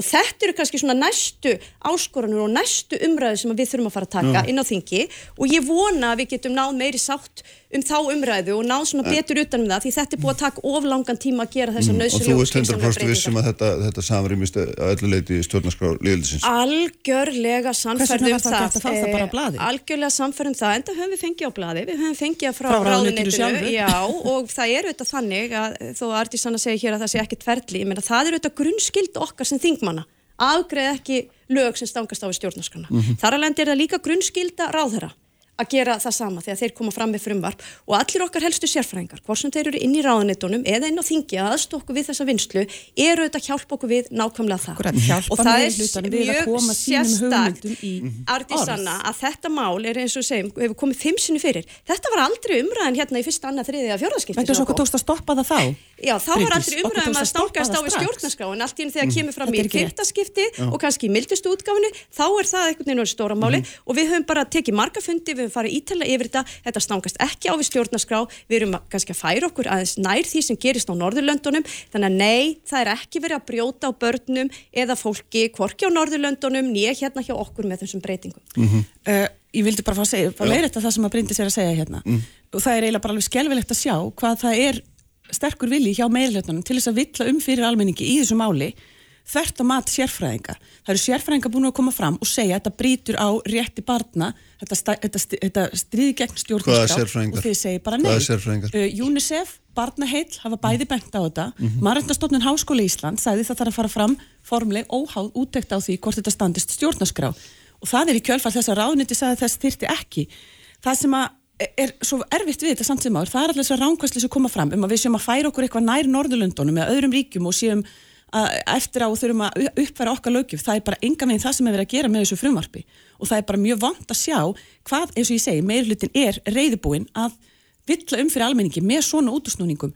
Þetta frumvarp snýst ekki um að aðlaga okkar lögjöf að Norðurlöndunum. Um hvað snýst ekki þetta um- frumvarp að þínu mati? Þetta snýst að mínu mati sem manneski sem hefur 15 ára reynslu í þessum málflokki Mm. og sé ég þarna á bakvið hvert einasta ákveði einstök mál, jafnvel kannski einn eða tveir einstaklingar þar á bakvið sem að stjórnult hafa mókast yfir hafi komist í gegnum kerfið. Þetta eru upptalingamálum sem útlendingastofnun hefur tapað fyrir kærunemd útlendingamála eða fyrir domstólum. Þess vegna er alltaf verið að uppfæra það. Er ekki verið að uppfæra þetta mál neitt í samræmi við uh, umæli sérfræðinga og það er það sem er svo áhugavert Bryndís tala nú hérna í löngum málum það hvað það var vöndu vinna í nefndinni komi margi sérfræðinga fyrir nefndin og þetta er rétt en var hlustað á þá? Nei, ekki einu orði. Það hafa enga breytinga verið gerðar á þessu frumvarpi núna í meðförum þingsins hjá alls og mentamálunemnd Jú, jú, jú, jú. til, er þess að koma til móts til þess að koma til móts við umsækni sérfræðinga. Alla breytingar sem voru gerðar snerist um það að, uh, hvað var að segja, geta sagt gert. En Ardís, bara, bara svo ég skilji þetta, þitt sjónum sem sé það að þessi verið að loka ákveðnum götum sem að voru á lögunum til þess að þrengja rétt fólks til að koma hingað. Er það ekki rétt Ekki til skiljum? þess að komingað, alls ekki. Nei, en til þess að fá, það fá, er- það er fá leiði til að vera hér að minnst, þú veist, Það er er það ekki? eitt. Í rauninni til Er þess það að fá ranga, til, fyrst og fremst til þess að fá ranga ákvörun uh, reyðrætta. Nei, þetta mun ekki fækka fólki sem leitar hingað. Nei. þetta mun líklega ekki fækka fólki sem fær hérna vend. Þetta mun brjóta á fólki sem að í rauninni í dag, og í rauninni, það er í rauninni ekki sérstaklega stór hópur, en eins og ég segi bara, margætindi brotin á einu barni, er bara einu barni og mikið. Það er ekki, þetta er ekki að fara að leysa nein vandamál sem við stöndum frammi fyrir, eða neinar áskoranir. Þetta er ekki að fara að fækka þeim fjölda sem leitar hingað, þetta er ekki að fara að fækka þeim fjölda sem fær vernd á endanum, þetta er bara að fara að, að, fara að gera þeim erfæra fyrir, lengja málsmeðferð, við erum að fara að fjölga fólki sem að mun vera hérna í áraraðir án þess að fá uh, niðurstöðu í sínu máli og þá setja þau á götuna á meðan í ofanála. Ég sé ekki hvernig þetta á bæta skilvirkja auka neitt. Og þetta er ekki í samræmi við framkvæmt á Norðurlöndun og það veit Bryndis jafnvel og ég vegna þess að það sáum við jafnvel í Danmörku sem eru með eina ströngustu stefna á öllu Norrlöndunum, þau sögðu við viljum ekki hafa fólk búin undir brúm hérna. Þau myndu aldrei svifta fólk allir þjónustu á neinum tímapunkti. Sannlega standaði fram með fyrir sambarilu vandamálum. Þau eru með aðra lausnir sem að við erum ekki einu svona horfa til Marti þessu Bryndís? Já, bara ég ætla að byrja já, því fyrsta já. út af því Artísanna segir sig að vera að brjóta börnum og hérna ég vil bara ítrekka það að við höfum fóru sérstaklega yfir þá erum við breytingatilu og núna varandi hagsmunum átt barna og leggjum mikla áherslu á það. Snýst Þannig ekkert um að þetta er algjörlega gripið úr lautu lofti og ákvæði sem Artísanna er að vísa í það er sér íslenskt ákvæði sem lítur að því að þeir sem hinga koma til lands og hafa fengið vernd annar staðar eh, að það á að afgreða umsækni þeirra hratt og vel og við settum stjórnsýslinu ákveðin mörg 12 mánuði og þannig að þú fær afgreðslu á umsókninni og þú þarfst að víkja frá landi. Þannig að við erum að breyta þessu sér íslensk ákveði aðeins núna og segja þetta sé allu tímarammin og það sem að er verið að vísa í hérna þegar við erum að segja að brjóta börnum er að fjölskyldan er undir einum hatti. Þannig að við viljum ekki að fólk geti leikið á kerfi okkar fyllt ekki fyrirmælum sem þeim er gefið og þannig þrönga stjórnsýsluna til að gera ákveða eitthvað annað en uppalega stóð til. Þannig að það er það sem eru verið að vísi hér að þessi börnum ef að foreldri með einhverjum hætti e, láta sig hverfa koma ekki í, í, þar, þau viðtöl sem þau koma í eða lækniskoðan eða annað þess áttar að það er það sem er verið að kalla hér það sem er verið að brjóta börnum og þá bara, veist, ég segi bara þetta er réttindi. vittleysa vegna þess að réttindin þarna eru bara fólkin í því að stjórnsýslan á að fara yfir umsóknina, umsóknina og fá málefnilega niðurstöð í málið. Þannig að þessi tímafrestir þetta- voru þetta ekki settir upphálega til þess að fólk gæti með einhverjum hætti leikið á það. Og það er bara það sem er verið að koma í veg fyrir þa- þarna undir þessum punkti. En sko, ég bara, ég bara fullir í það að þetta eru mjög hóflegar breytingar á þessari lögjöf og Arti Sanna vísaði hérna til dæmis í. Í dönskulögin sem eru nú almennt talin ansi stjör, ströng og við erum, við erum langt frá því þarna við erum ekki komið Við erum að þangað. ganga lengra. Og við, nei, alls ekki Hvernig er þetta að tólka þetta svona út og söður? Ég, Já, það er nú alls ekki, spurning, það sem sko. hún er að vísa í þarna er það ákvæði, það sem er hérna, varandi þjó, varandi þjónustu skerðinguna og við erum sem sagt hér í þeirri stöðu að ef að fólk fær sinjun uh, að þá hefur fólk en þá komist upp með það að fara ekki úr landi auðvitað sem betur fer fara nú flestir í einhverjum tilfellum höfum við þurft að fylgja fólki úr landi en það er fólk sem að fer ekki þrátt fyrir Og það það, að. Það stjórnvöld mun bara séu búin lenda að á segja í gríðarlega að, í vondu stöðu. tvígang að hérna, nei, þú uppfyllir ekki skilirðin um vernd það fær þjónustu á meðan það býður. það fær þjónustu og, og þið býður viljið- eftir hverju sko Mjög erum litla þarna lágmarksþjónustu, það við skal erum koma fram. þarna Já, já. að reyna ok. frekar á það að þeir sem hafa farið í gegnum kerfi okkar bæði hjá útlendingastofnun og fengið sinjun farið til kærunemdar og fengið sinjun að það fólk þarf að yfirgefa landi vegna þess að það fólk uppfyllir ekki skilir í íslenskra laga nýð alþjóðlega skuldbindinga um að eiga rétt á vernd. Og þess vegna segi ég, það get ekki verið stjórnarskrám varin mannréttindi að íslenski skattgrendur eigi að halda þessu fólki uppi sem ekki uppfyllir þessu skilirði það þarf að víkja svo við ymmið getum tekið á móti því fólki sem er í raunveruleg neyð og kemur hingað á rétt á vernd. Það sem að uh, Artisan er að vísa í það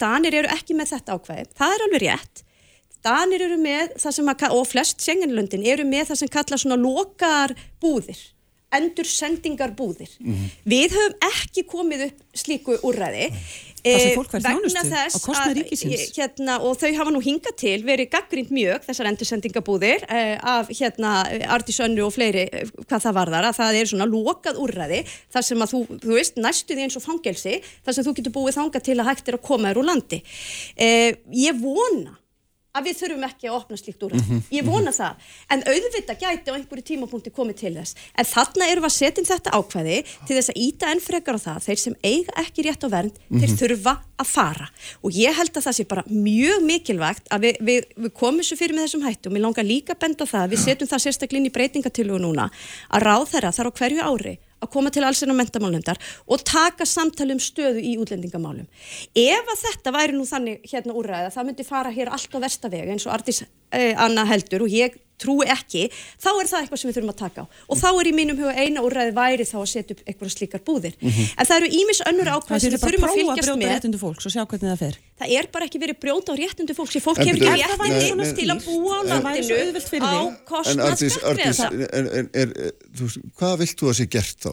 Þegar fólk er búið að fara í gegnum allt og þurrausa allar sínar kæruleiður og allt þetta og það er alveg ljóst að það fær ekki dvalarleiðu til lengri tíma Akkurat. á það samt bara að vera og Í fyrsta lagi, þá vil ég benda á hvað hvað? þetta er gríðarlega lítill hópur. Núna, Já. hér, það eru sko þúsundur þessum Það eru þúsundur einstaklingar sem hafa kominga og sóttu vend og fengi sinjun í gegnum árin. Þessir teljast bara á, þetta eru einhverju tugir einstaklingar sem að sitja hérna uppi og eru hérna áfram, fara ekki vegna þessi fyrsta lagi. Íslensk stjórnult hafa ekki í rauninni heimil til þess að flytja því þvinguðum flutningum vegna þess að það skorti samninga við, við móttökuríkin eða vegna þess að það vantar skilríki og annað slíkt. Fólk hefur ekki jafnvel heimil til koma og dvalar. Það er verið að auka í fyrsta lagi á þær heimildir með þessum breytingu sem að, sem að Bryndís vill gera. Það sem að, það sem að skipti máli hér er að Uh, ok, þannig eru komin einstaklega, ég hef saman með þessu sjónamiði, þó að við sem ósamála kannski einhverjum ákveðnum grundvallaraturum hafa ég skilninga á þessu sjónamiði, þegar fólk er komið sínun þá það að fara, lang flestir gera það, þeir sem gera það ekki í núverandi aðstöð, í nú, núverandi þjónustu sem þau fá, þau munu ekki gera það þó þau verið sviftinni, vegna þess að þetta eru einstaklingar sem að sko geta, telja sig ekki geta farið og Íslensk stjórnvöld geta ekki flutt fólkið. Það sem á að gera er fyrsta lagi stjórnvöld, ef þú ætla að geta flutt einstaklinga eitthvert, þá að vinna því að búa til endurviðtöku samninga við þessi ríki tryggja það að það við sé eitthvað samstarf. Við byrjum á því, áður en við setjum fólk á götuna í, sem að skapar hættu fyrir allt samfélagið í fyrsta lagi, sem ráðniti svarar aldrei vegna þess að eina svari sem ráðnitið er með er þau eiga bara að fara, þau eiga bara að fara. Þegar við spyrjum, hvað ef þau gera það ekki? Og Íslensk stjórnvöld geta ekki fluttu við erum að tala um þá stöðu að það er ekki hægt að flytja þetta fólk þvinguðum flutningum. Og það, þau fara ekki, ef þau eru ekki farin í dag þá munið þau ekki fara þegar þetta er komið. Það sem að Þýskaland er að gera Þýskaland er, er til dæmis komið langt undir, veitum miklu frekar að horfa til Þýskalands sem að hefur miklu, hvað ég segja stórfældari reynslu heldur við af, af mjög miklum flutningum til landsins, þau eru að fara í hináttina. Þau eru að fara í hináttina við það sem við erum að gera. Við erum ekki að fylgja neittni þróun í Evrópu svo það komið fram og sé skýrt.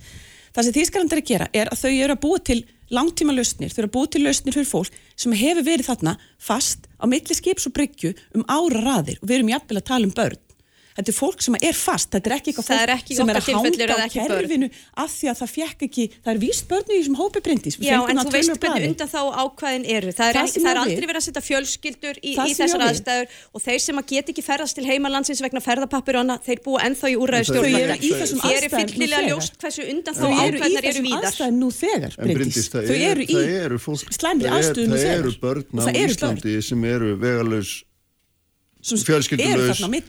sem að hérna, ekki fá leifi, langtíma dvalarleifi og er ekki sendið burtu heldur. Ég meina ég persónulega þekki bara eitt eða tvö dæmi. Já, en sko, hérna, þegar við erum að tala um það að þú missir þjónustuna Mm. eh, ef að þú hefur fengið þessa sinjun að þá eru mjög víðtæk undan þá ákvæði hvað það varðar og það varðar me- meðal annars fjölskyldur. En það er ekki verið að börn neina lausn. Og, og fjölskyldur búa ennþá í þessar aðstæðu eh, og hérna, já, sko, eh, mi- mikið veikja einstaklinga og friska konur og annað þess að það, það er bara mjög uh, stór undan þáu kapli hvað þetta, þessa þjónustu skerðingu varðar. En sko það sem að Artísan er að segja hérna er alveg, sko það er alveg rétt að það er fólk uh, út í Evrópu sem að er þarna á milli. Sem sagt eru uppfyllir öll ekki skilirði þetta. og það eru alveg rétt. Það eru öll lönd að glíma við Þau eru þetta. hugsa í lausnum, Uh, ekki þessu bulli. Ég, hérna, við skulum bara horfa þá, á það hvernig þetta ge- gengur hjá þjóðverum en ég held að reyndar að lausnin í þessu máli sé ymitt að opna þá frekar landamærin okkar fyrir því að fólk getur komið hinga og unnið. Því að eins og ég segi þá er þetta fólk ekki sem uppfyllir ekki skilir um alþjóðlega vernd. Og við erum mjög opið samfélag gagvart allum þeim sem að hérna, búa á þá erum við ansi lokað. Já. og þannig ég held að einhver hluti þeirra sem hafa verið að koma hér að sækja um vernd og fara inn í verndakerfi sem er velferðarkerfið okkar þar sem við erum að taka móti fólk sem er að koma úr hörmulegum aðstæðum ég held að einhvað af þessu fólki sé hreinlega í leit að betra lífi og vill kannski koma til Íslands til að vinna og taka þátt í íslensku samfélagi. Og þannig þurfum við að finna leiðir fyrir það fólk til að geta gert nákvæmlega það. Mhm. komið hinga og fengið dvalarleifi og atvinnlífi en það er ekki hægt að blanda því saman við fallegu hugsunina um flóttamannasamning samið þjóðuna Mhm. sem að er sko velferðarkerfi þar sem við erum að bjóða fólki inn í okkar velferðarkerfi vegna þess að það Þetta er bara uppfylla rangt bindis. algjörar hörmungar heima fyrir en aftur á móti vil ég taka fara það að og það er það sem að já. ríkistjórnin hefur líka verið að vinna er að opna þess fyrir það að fólk getur komið hérna utan eða og tekið þátt í íslensku samfélagi eh, fengi hér atvinnu borga sína skatta og, og tekið þátt í samfélaginu Þetta er svo áhugaveru greinamunur sem að breyndi svo fleiri vilja alltaf gera á flótta fólki og öðrum innflýtjendum. Það er alltaf tala eins og, og, sko aðstofamæður á þeirra að segja þetta nú bara berum orðum að fundi upp í háskóla um daginn að uh, flóttamannakerfið væri uh, félagslegt kerfi. Það bara er það alls ekki. Þetta er allt, þetta snýst um dvalarleifi. Þegar fólk kemur hérna og sækjur um vernd, það er ekki að sækja um neitt annað en dvalar og atvinnuleifi. Það vill fá leifi til þess að vera hérna og til þess að vinna og það fær það. Þegar fólk var stuð flóttamanns, það fær það fjör ára að, uh, dvalarleifi og óbundið atvinnuleifi það þýr að það getur opna rekstur og þau mörg gera það. Atvinnu þáttaka flóttafólks er gríðarlega mikil og það sérstaklega í þeim hópum sem þið vilji helst stoppa sem er einstaklingar sem koma frá Venezuela. Það er ekki þannig að fólk fari sjálfkrafa eitthvað á félagslega kerfi þegar kemur innan með stöðu flóttamanns. Flóttafólk hefur ákveðnar, ákveðnar uh, hvað var að segja, það ákveðn, uh, það hefur rétt að ákveðnum úrræðum vegna þess að það er í gríðalega erfiri stöðu fyrstu sinni eftir að kemur. Það nota þetta ekki nema þeir sem þurfa þess og það er alltaf þannig að það er meiti í hverju tilíki fyrir sig. Það er ekki þannig að allir flóttamenn séu komin hérna bara að mæta á kerfið en svo þurfa að hleypinga inn fólki sem vil vinna. Flóttamenn vilja vinna. Það verður allt, alla kannanir sínt sig og þessi hópur sem er hérna milli skips og bryggju, Rauðikrossin á Íslandi gerir skýslu um hennan hópundaginn fyrir stuttu uh, um, um einstaklinga sem er kallað í umborunni dvöl sem er hugtak sem kemur frá, frá lauruglunni vegna þess að þau get ekki flutt fólkið, það er samt ekki með dvalarleifi, það er ekki þetta að gera sko nánast allir vilja vinna, þau segja það eina sem ég vil er að fá að vinna, þau fá ekki að vinna. Þau fá ekki dvalar og atvinnuleifi það er það sem þau fá ekki, við erum ekki að tala um það að þau fá ekki félóbætur, það bara snýst ekki um það. Og þessi greinamunur, hann er hann er bara mjög ógaglegur að tala um að það sé, þetta sé eitthvað tveir ólíkir hópar. Þó að fólk koma mismöndu fórsöndum dvalarleifi eru tegund, af ýmsum tegundi fólk kemur það myndi ekki í þínum mandi breyta neinu þó að þessar reglur um, um fólk utan ES eru þau ringaða með einhverjum hætti? Að sjálfsögðu ekki, það breytir fyrst alveg engu fyrir þennan hóp Nei. sem að vill bara fá að vinna. Þó að breyndist telju þau bara vilja leita betra lífi. Hver vill ekki fá betra lífi í fyrsta lagi? Í öðru lagi þá er það ekki það sem fólk, þetta fólk trúir, þessi einstaklingar fara ekki heim vegna þess að þau telja sig í lífsættu heima hjá sér, þau eru í mjög erfiru stöðu hérna. Á allir þessari þjónustu sem að breyndist vill endilega svifta þau, það er ekki þannig að það sé hérna út á þjónustunni, bara engan veginn. Það bara er, og það er það sem er líka svo vant við þetta frumvarp, það er byggt á svo miklum ránkugmyndum og það gerir það að verkum annars vegar að það er verið að brjóta fólki og ég ætla bara að endur taka að óþörfu. Ekki það, ég ætla aldrei að halda fram að þessu þörfu að brjóta fólki en það er ekki verið að leysa neinar áskoranir, það er ekki verið að leysa nein vandamál. Vegna þess að vandamáli er rángtúlkað þetta er algjörlega hugsa bara frá forsöndum sem eru bara ekki réttar og þá verður lausnin engin, þetta mun ekki leysa neitt, þetta mun brjóta á, flóta fólki ás að leysa neitt hann vandasöðstundu frammi fyrir. En, en hérna, já, sko nú, nú er bara staða, staða, staða mála þannig í heiminum og það er, þú veist, ég veit ekki 80-90 miljonir manna á faraldsvæti og þetta frumvarp er fer bara fjölgandi. Já, fjölgandi. Bara og, fjölga. Og þetta frumvarp er svona daldi inn í þeirri ringiðu getur við sagt og við sjáum það að nánast öll fólksfjölgun á Íslandi er vegna fólk sem flytur til Íslands. Og svo sjáum við þennan opna tekka eða hvað hann kalla þessu opnu leið frá Venezuela sem fer mjög í töðnar og sumum. Ég sé að þú hérna, gerir ekki að þú að semdi við hana. En við sjáum í þessu öllu saman einhverja miskilíkur, þetta er í rauninni Já, ok. rákvæsla sem að hefur verið haldið allt í lagi, ekki málið. Þarna, en við sjáum þessu ákveðna þróun sem er augljóslega bara svo að það er miklu, aukningar mikil fólksflutningum aukning, um já, já, já, og og hérna- ekkert, ekki sem bendir til þess að verði neitt það lát verð þar á. breytist ekki neitt og við þurfum á þess að halda Akkúrat. Vesturland bara, þar, við eldumst og verðum hérna væru kærir og nennum ekki að hérna, sjá, sjáum okkur sjálf, við erum láta aðra gera það Menni, það er bara stannismál slíka Menni, þetta er svo mynd sem við erum að horfa inn í og þurfum að, hún er stóra samengið í. Inn, þetta mál er innan þess.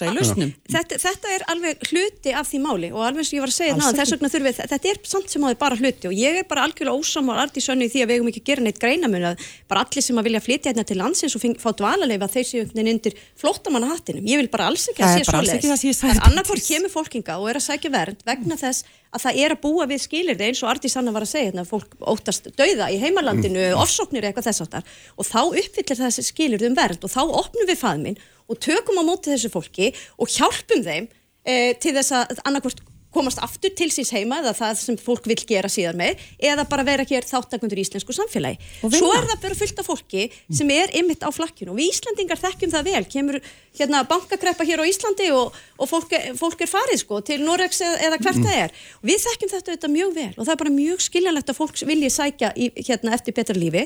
Og þess vegna held ég að það sé nákvæmlega það sem við erum að gera núna er að við viljum opna það frekar.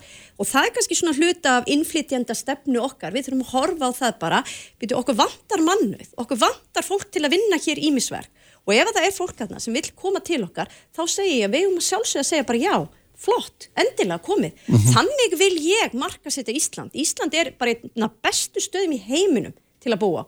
Og ég vil gjarnan að við marka setjum það þannig og fólk sem vil koma og flytja hinga og taka þátt í okkur samfélagi geti gert það en ég er ekki ekki tilbúin að marka setja velferðarkerfið íslenska fyrir alla flóttamenn í heiminum. Ég segi, þeir sem er raunverulega er í neyð, við tökum vel á mót okkur og við viljum gera það vel. Mhm. en þeir sem uppfylla ekki þau skilirði þau þurfa að víkja vegna þess að við viljum nota okkar hérna innviði til þess að hjálpa þeim sem að þurfa á hjálpina að halda og uppfylla alþjóðlega skilirði þar að lútandi Þetta, lokin. Svo skemmtilegt, þessi, hérna, þessi mótsök sem myndast þetta í ríkistjórninni, þið vilja opna fyrir fólk sem að vil koma og vinna frá ríkjum utan EES.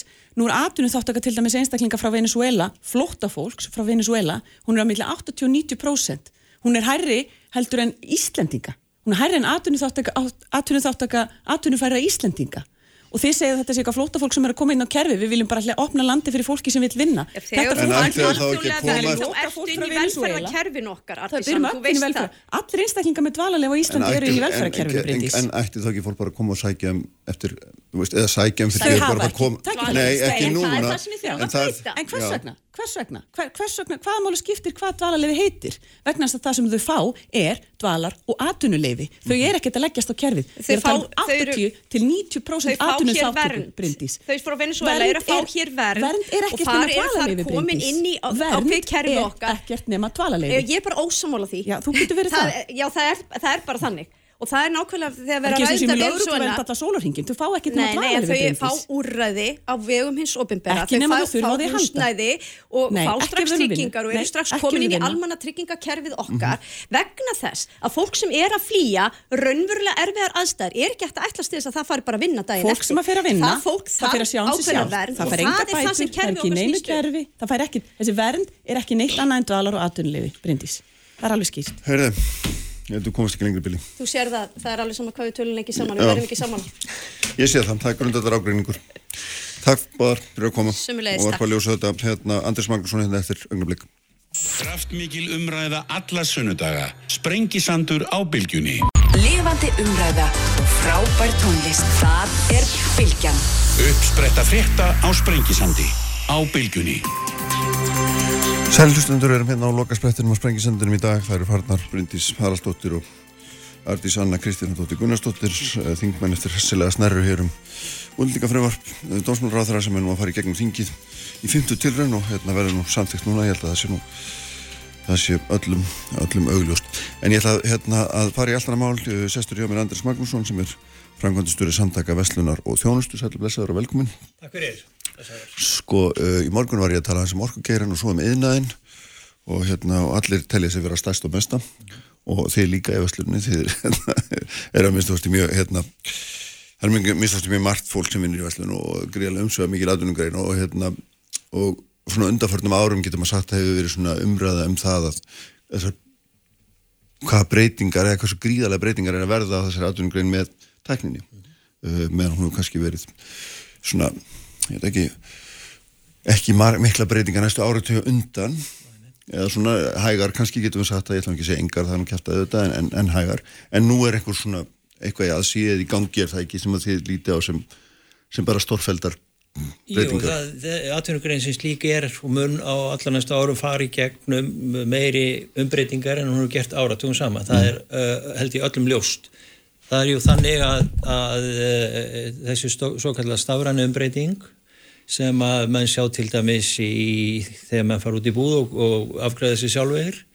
Það er bara eitt uh, dæmi, það er uh, gjörbreyting á vöruhúsum, gjörbreyting á því hvernig uh, menn nálgast viðskiptavinnin uh, og svo framvegis, þetta er bara einn byrtingamyndin aðra byrtingamyndir eru krafum að vöslunin taki þátt í, í, í sjálfbarninni taki þátt í að mæta lofta, loftlasmarkmiðum saminu þjóðuna, París á sáttmálunum og öllu því. Já.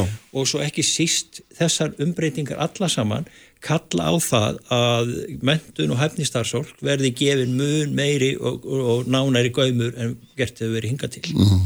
Þannig að þið eru bæði að tala um eitthvað sem þið getur sjálf gert en svo eru þið líka að tala um svona uh, þau áhrif sem þið getur haft. Það er, þið eru leggjað til grundvallar ráðstöfnu sem þið eru með núna eftir helgina hérna McKinsey skýslu sem að talar mikið um þetta að vesturinn að íta fólki þinga og þanga að þessar vörur og hinar vörurnar en þetta er, þetta er svona þetta er mikil endur skilgreining á hlutverki er það ekki? Algjörlega, sko, það er þannig að við erum aðilar að uh, Evrópusamtökun sem heitir Eurocommerce sem er einn allra staðstu hagsmunasamtökin í Evrópu. Þau hafa á undanfjörnum ára náttúrulega eins og hagsmunasamtökun ber að gera, vera að horfa á það hvaða áskoranir greinir stendur frammi fyrir og núna í, á, í síðla síðast ás kynnti Eurocommerce í, í samstarfi við McKinsey, eitt stáðstæðar ágæða fyrirtæki heimi, eh, einmitt skýslu þar sem er lögð áherslu á þetta þrend, sjálfbærni, stafrænu umbreytingu og það sem kallaður önsku skills and talents, mentur og hefni starfsfólk. Og við höfum bara tekið þessa skýslu upp á okkar armar, reynda að útbreyða bóðskapin bæði innan okkar viðbanda og ekki síður bara út á við í samfélaginu til að gera mönnum grein fyrir hvaða, eh, hversu mikilvægt það er að eh, greinin, atvinnugrein sem slík og bara samfélagi heilsinni átti sig á því hversu, hversu þeim, þeim stóru áskonum sem við stöndum frammi fyrir mm. bæði þá að fyrirtækin aðlaga sig og taki þessa tækni upp á sína arma það er gerð krafa um það að veslunin skili sínu varðandi þessi sjálfbærni mál. Það er ju þannig að virðiskeðjan í vesluninni virðiskeðjan í vesluninni stendur, stendur fyrir um það við 40% af útblæstrinum í Evrópu Já. en einungis 5% af þessu hluta á sér stað í veslunin sjálfur hún á sér staði í keðjunni, frá, já, já. frá uh, landbúnaði, frá öðrum frumframleðendum í, í flutningum og svo framvegis. Þannig að þetta er uh, einn stóra áskorun, einn allra staðsta áskorun sem greinin stendur fram fyrir hvernig allar hún að vinna sjálf og þá með þessum svo viðskiptavinnu sínum að því að mæta þessum markmiðum, að því að það er gerð gífulega krafa til verslunarinnar sem atvinnugreinar, hvort það er smásala eða heilsala í þessum efnum. Og svo uh, summerst þetta allt upp í því hversu mikilvægt það er að mentun og hæfni starfsólsins, þessa gífulega fjölda sem vinnur í greininni í Evrópu og við getum alveg heimfart þessi hlutvöld sem ég nefndi á þann upp á íslenska veruleika. Það er um 13% vinnuaflsins sem vinna í verslun á Íslandi. Þetta er allra staðista uh, atvinnugreinin. E, það er bara 40.000 maður svo dæmi sem tekið sem eru félagsmenn í vaffer. Já. Þannig að fyrir utan alla þá sem vinna einn margvíslu þjónustustör sem við erum að við erum að geta hagsmunna fyrir líka þannig að þegar horfir á þetta svona í stóru, stóru myndinni þá uh, ég raun og æpir það á mann að, hversu mikilvægt það er að, að, að taka þessi mál föstum tökum og á ráðstöfninu sem við höldum á 50 kemur uh, erum við virkilega að varpa ljós á þetta, fáum fremstu sérfræðinga uh, okkar á, á hverju þessara sviða til að fjalla um þetta og ráðhara málahlokkana allra koma og ávarpa og reyna að blása félagsmennum okkar bjarsin í brjóst hvað þetta var já, já. En mér finnst aldrei merkildi í þessari hérna, McKinsey skýslu og það er það er, það er mikið verið að tala um verslun sem einhver svona, ég veit ekki hvort það er að kalla það áhrifavald. Þú veist, hvernig beinir hún viðskiptavinum yfir í hérna, þessa tegunda matvöru í stað einhverju annarar hvernig hérna tryggir hún að flutningar séu sem hún sjálfsinnir ekki séu hérna með vantlega rafmagni en ekki jarðarnælnit og svo framvegs og það er svona verið að leggja greinni eða mjög stu, ef menn færu eftir þessu mjög ríkar skildur á herðar sem að hérna, ég veit ekki hvort það er, er raunhar. Já, ég þetta er, e, sko, það er alltaf spurning um það hvað er raunhaft í þessu. En, en e, Parísa sáttmálinn frá 2020 stendur fyrir sínu, það, það eru sett klár markmið, það eru gerð krafa á atvinnugreinandar um að þær leggja sitt að mörgum til þess. Við erum sem atvinnugrein nú þegar að vinna með stjórnvöldum um að ná þessu markmiðu, mm. sérstaklega í gegnum orkuskiptin og allt það, sko, sem að hérna er stór þáttur í þessu öllu saman. Hvernig ætlum við að að innlega þessa, þessa kröfu, hvernig ætlum við að framkvæma þessa kröfu um orkuskipti að minka hlutfall í erðefni elsnætis í orkugjafanum og allu því. Þetta snýr náttúrulega mjög að greininni sem slíkri, hún er mjög háð flutningum, mjög háð því að að hérna, flutningar séu hérna í góðu horfi hún er náttúrulega aukvöntæki sem við notum eru náttúrulega er að gjör breytast og allt þetta uh, hérna kemur saman í þessu, mm. þessu, þessu stóra verkefni að uh, hérna mæta þeim kröfum sem gerðar eru til að minka uh, hérna kólefnislósun og mæta þessu markmiðum í að perrisa sáttmálan um að, að, að hérna að hittast eða fari ekki við þau mörg sem sett voru. En sko, það er hérna, alveg ljóst að maður fer yfir þetta þessa skýslu og, og hún dregur enga döl á það að það er, þetta eru, þetta eru mjög umfangsmikil verkefni og þau eru gríðalega kostnæðarsum og ég vil dæla nú þannig þegar Vestlunum leggur út í myndimarhalda, hann leggur út miklu fjárhustingar og þá hérna, er það bara eitt greiðand á endanum og það er auðvitað vískilduðinu. Já, ég, þetta er alltaf þessi stóra spurning, hvað er enda kostnæðurinn og náttúrulega eins og kemur fram í, í skýslunni sem við erum að fjallum að þá náttúrulega er þetta gigantísk fjárfesting sem blasir við greininni ef að, ef að er farið allavega í ítrustu spár. Það eru allavega hægt að nefna þá tölu sko, þannig að hún er svo há, en það er náttúrulega bara, við lítum á þetta og greinin lítur á þetta miklu frekkar þannig að bara til þess að hún haldi stöðu sinni í samkeppninni, hvort sem það er innanlands mm. eða millilanda eða milli heimsálfa eða hvaða heitir þá án einhverja annar að kosta völ en að fjárfæsta í þessum stóru verkefni sem við erum að ræða. Og ég meina það er náttúrulega bara þannig að það er samkeppni á öllum sviðum. Og við náttúrulega sjáum það bara hérna og þessu litla hagkeru okkar það er samkeppni allstaðar það, þó að það sé fákeppni það er samkeppni. Hún heldur fyrirtækjunum við efnið hún náttúrulega á að tryggja það að, að hérna að hérna verðið, verðið og verðbreytingarnar verði innan þeirra marka sem að rúma fyrir. Við erum náttúrulega í þeirri stöðu núna mm. eins og allir vita frástu gífurlega verðbólgu. Hún er ekki bundin við Ísland, aldeilis ekki.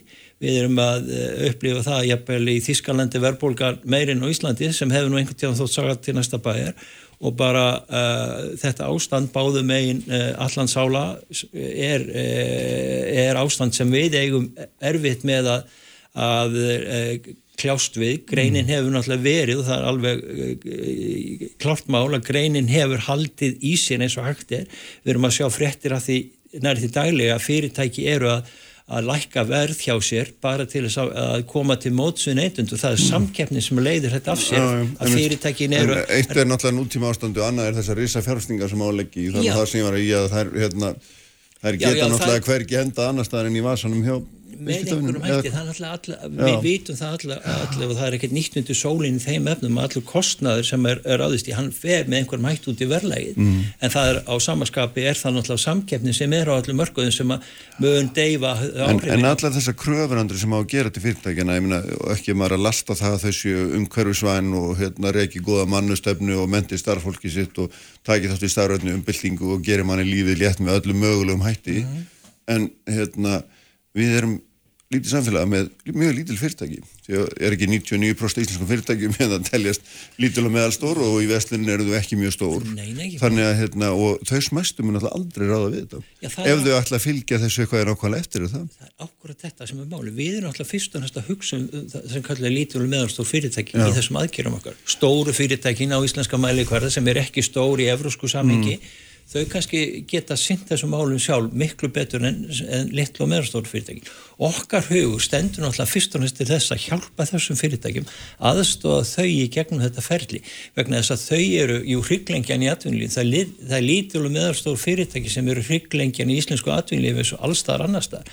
Það er millir 60 og 70% alls vinnuafs uh, á almennu vinnumarka sem vinnur hjá litlu og meðalstóru fyrirtæki og bara út frá því er náttúrulega mikilvægt að, að beina sjónu sérstaklega að þessum, uh, þessum hó- hópi fyrirtæki og þetta sem McKinsey er að fókusera á í sinni skýslu, þeir fókusera á litlu fyrirtækin og meðalstóru fyrirtæki stóru fyrirtækin, þessi allra stæðstu sem er kannski uh, hérna, þekkt nöfn alþjóðlega, þau sjáum sér sjálf. Það eru já. þessi fyrirtæki, þessi stærða fyrirtæki sem við þurfum alltaf að hugsa sérstaklega um. Þau eru, það sem skiptir ekki hvað sístmáli að uh, spjari sig í þessari gífur Nákvæmlega og að því að þau eru ríkja lengjan í, í okkar hagkerfi og eins og þú segir miklu víðar náttúrulega þá skiptir þetta öllum máli að þau ráði við þar kröfur sem er að og það er akkurat er þetta Kristján sem við erum að leggja áherslu við erum að horfa á þetta bara út frá þessari kröfu sem, sem verður óheikamlega sett um, um, um nýja mentun og nýja hæfni hjá starfsfólki og þess vegna uh, við erum alltaf lítið svo á að þetta væri sameigileg hagsmyri hvort þú ert að líta á hlutin út frá sjónahortni atvinnurekandans eða sjónahortni launþegans.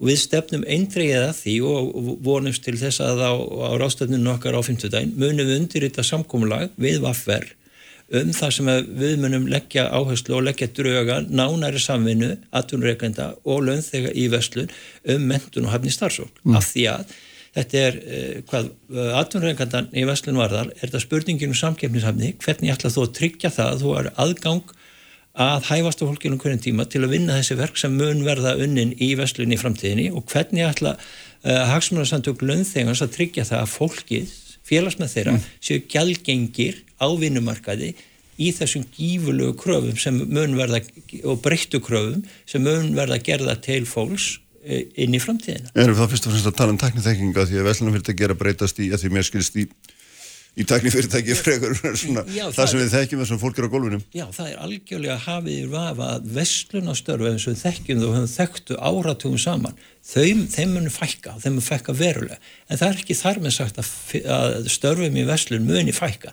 Þeim munu hins vegar taka gjörbreytingum kröfutna sem eru gerða til mentun og hefni þess fólk sem vinna mun vinna þessi vestlunastörf inn í framtíðina mun taka gífurlegum breyting og þar kemur að því sem er mm, meir og meira ábyrjandi í umræðinni hvernig samkeppni milli atvinnugreina um hæfasta starfsfólkið, eh, hvernig hún er byrtast, byrtist í Evrópu, byrtist hér á landi, mun byrtast í, ríkumæli inn í framtíðina vegna þess að við eh, menn sjá það fyrir sér að uh, það verði mikil samkeppni milli atvinnugreina um hæfasta fólki og það leggur þessar auknu skildur á okkur og ég vil segja að hérna launþega hreyfinguna í, líka að huga mjög að því hvernig er hægt að tryggja það að fólk á vinnumarkaði hafi alltaf aðgang á bestu og, og, og, og bestu mögulengu til að afla sér uh, þekkingar, fræðslu á hverju sviði og hverju tíma.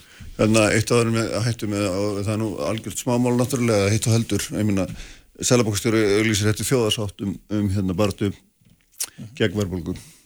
Við spurðum samtöku innæðarins eða hann hérna, Sigurð Franganstóra þar skella sumu spurningu á þig. Hvert Ég- eru ykkar framlag?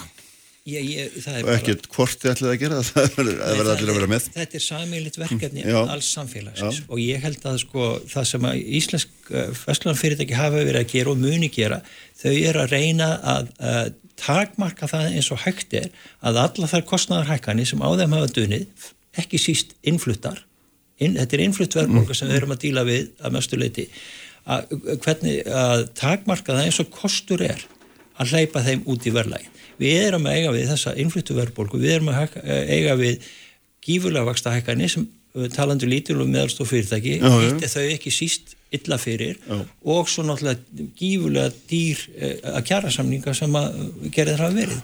Þetta er bara veröldi sem við okkur blasir og það, þetta er afar óþægilegt uh, umhverfi og fordamlaust að við séum í þessari stöðu eins og nákvæmlega þjóður okkar eru en verkefnið er enga séður gigantist og ég held að Íslensk Vestlun muni og fyrirtækin hafa syngt sig og það sést bara í afkomutölu margar fyrirtækja á þessu, í þessum greinum virkilega verið að taka á sig mm -hmm. framleiða skerðingu bara til þess að mæta þessar, þessu ástandi sem Þannig að þú sittur hér á fullir að hérna, menn, menn hérna, muni halda allum verðhækkunum í, í skefjum Það er alveg klárt að fyrirtækin í Veslun og ekki síst stóru og mest ábyrgandi fyrirtækin þau hafa verið að taka á sig framleiða skerðingu bara til að mæta þessum, mm -hmm. þessu ástandi.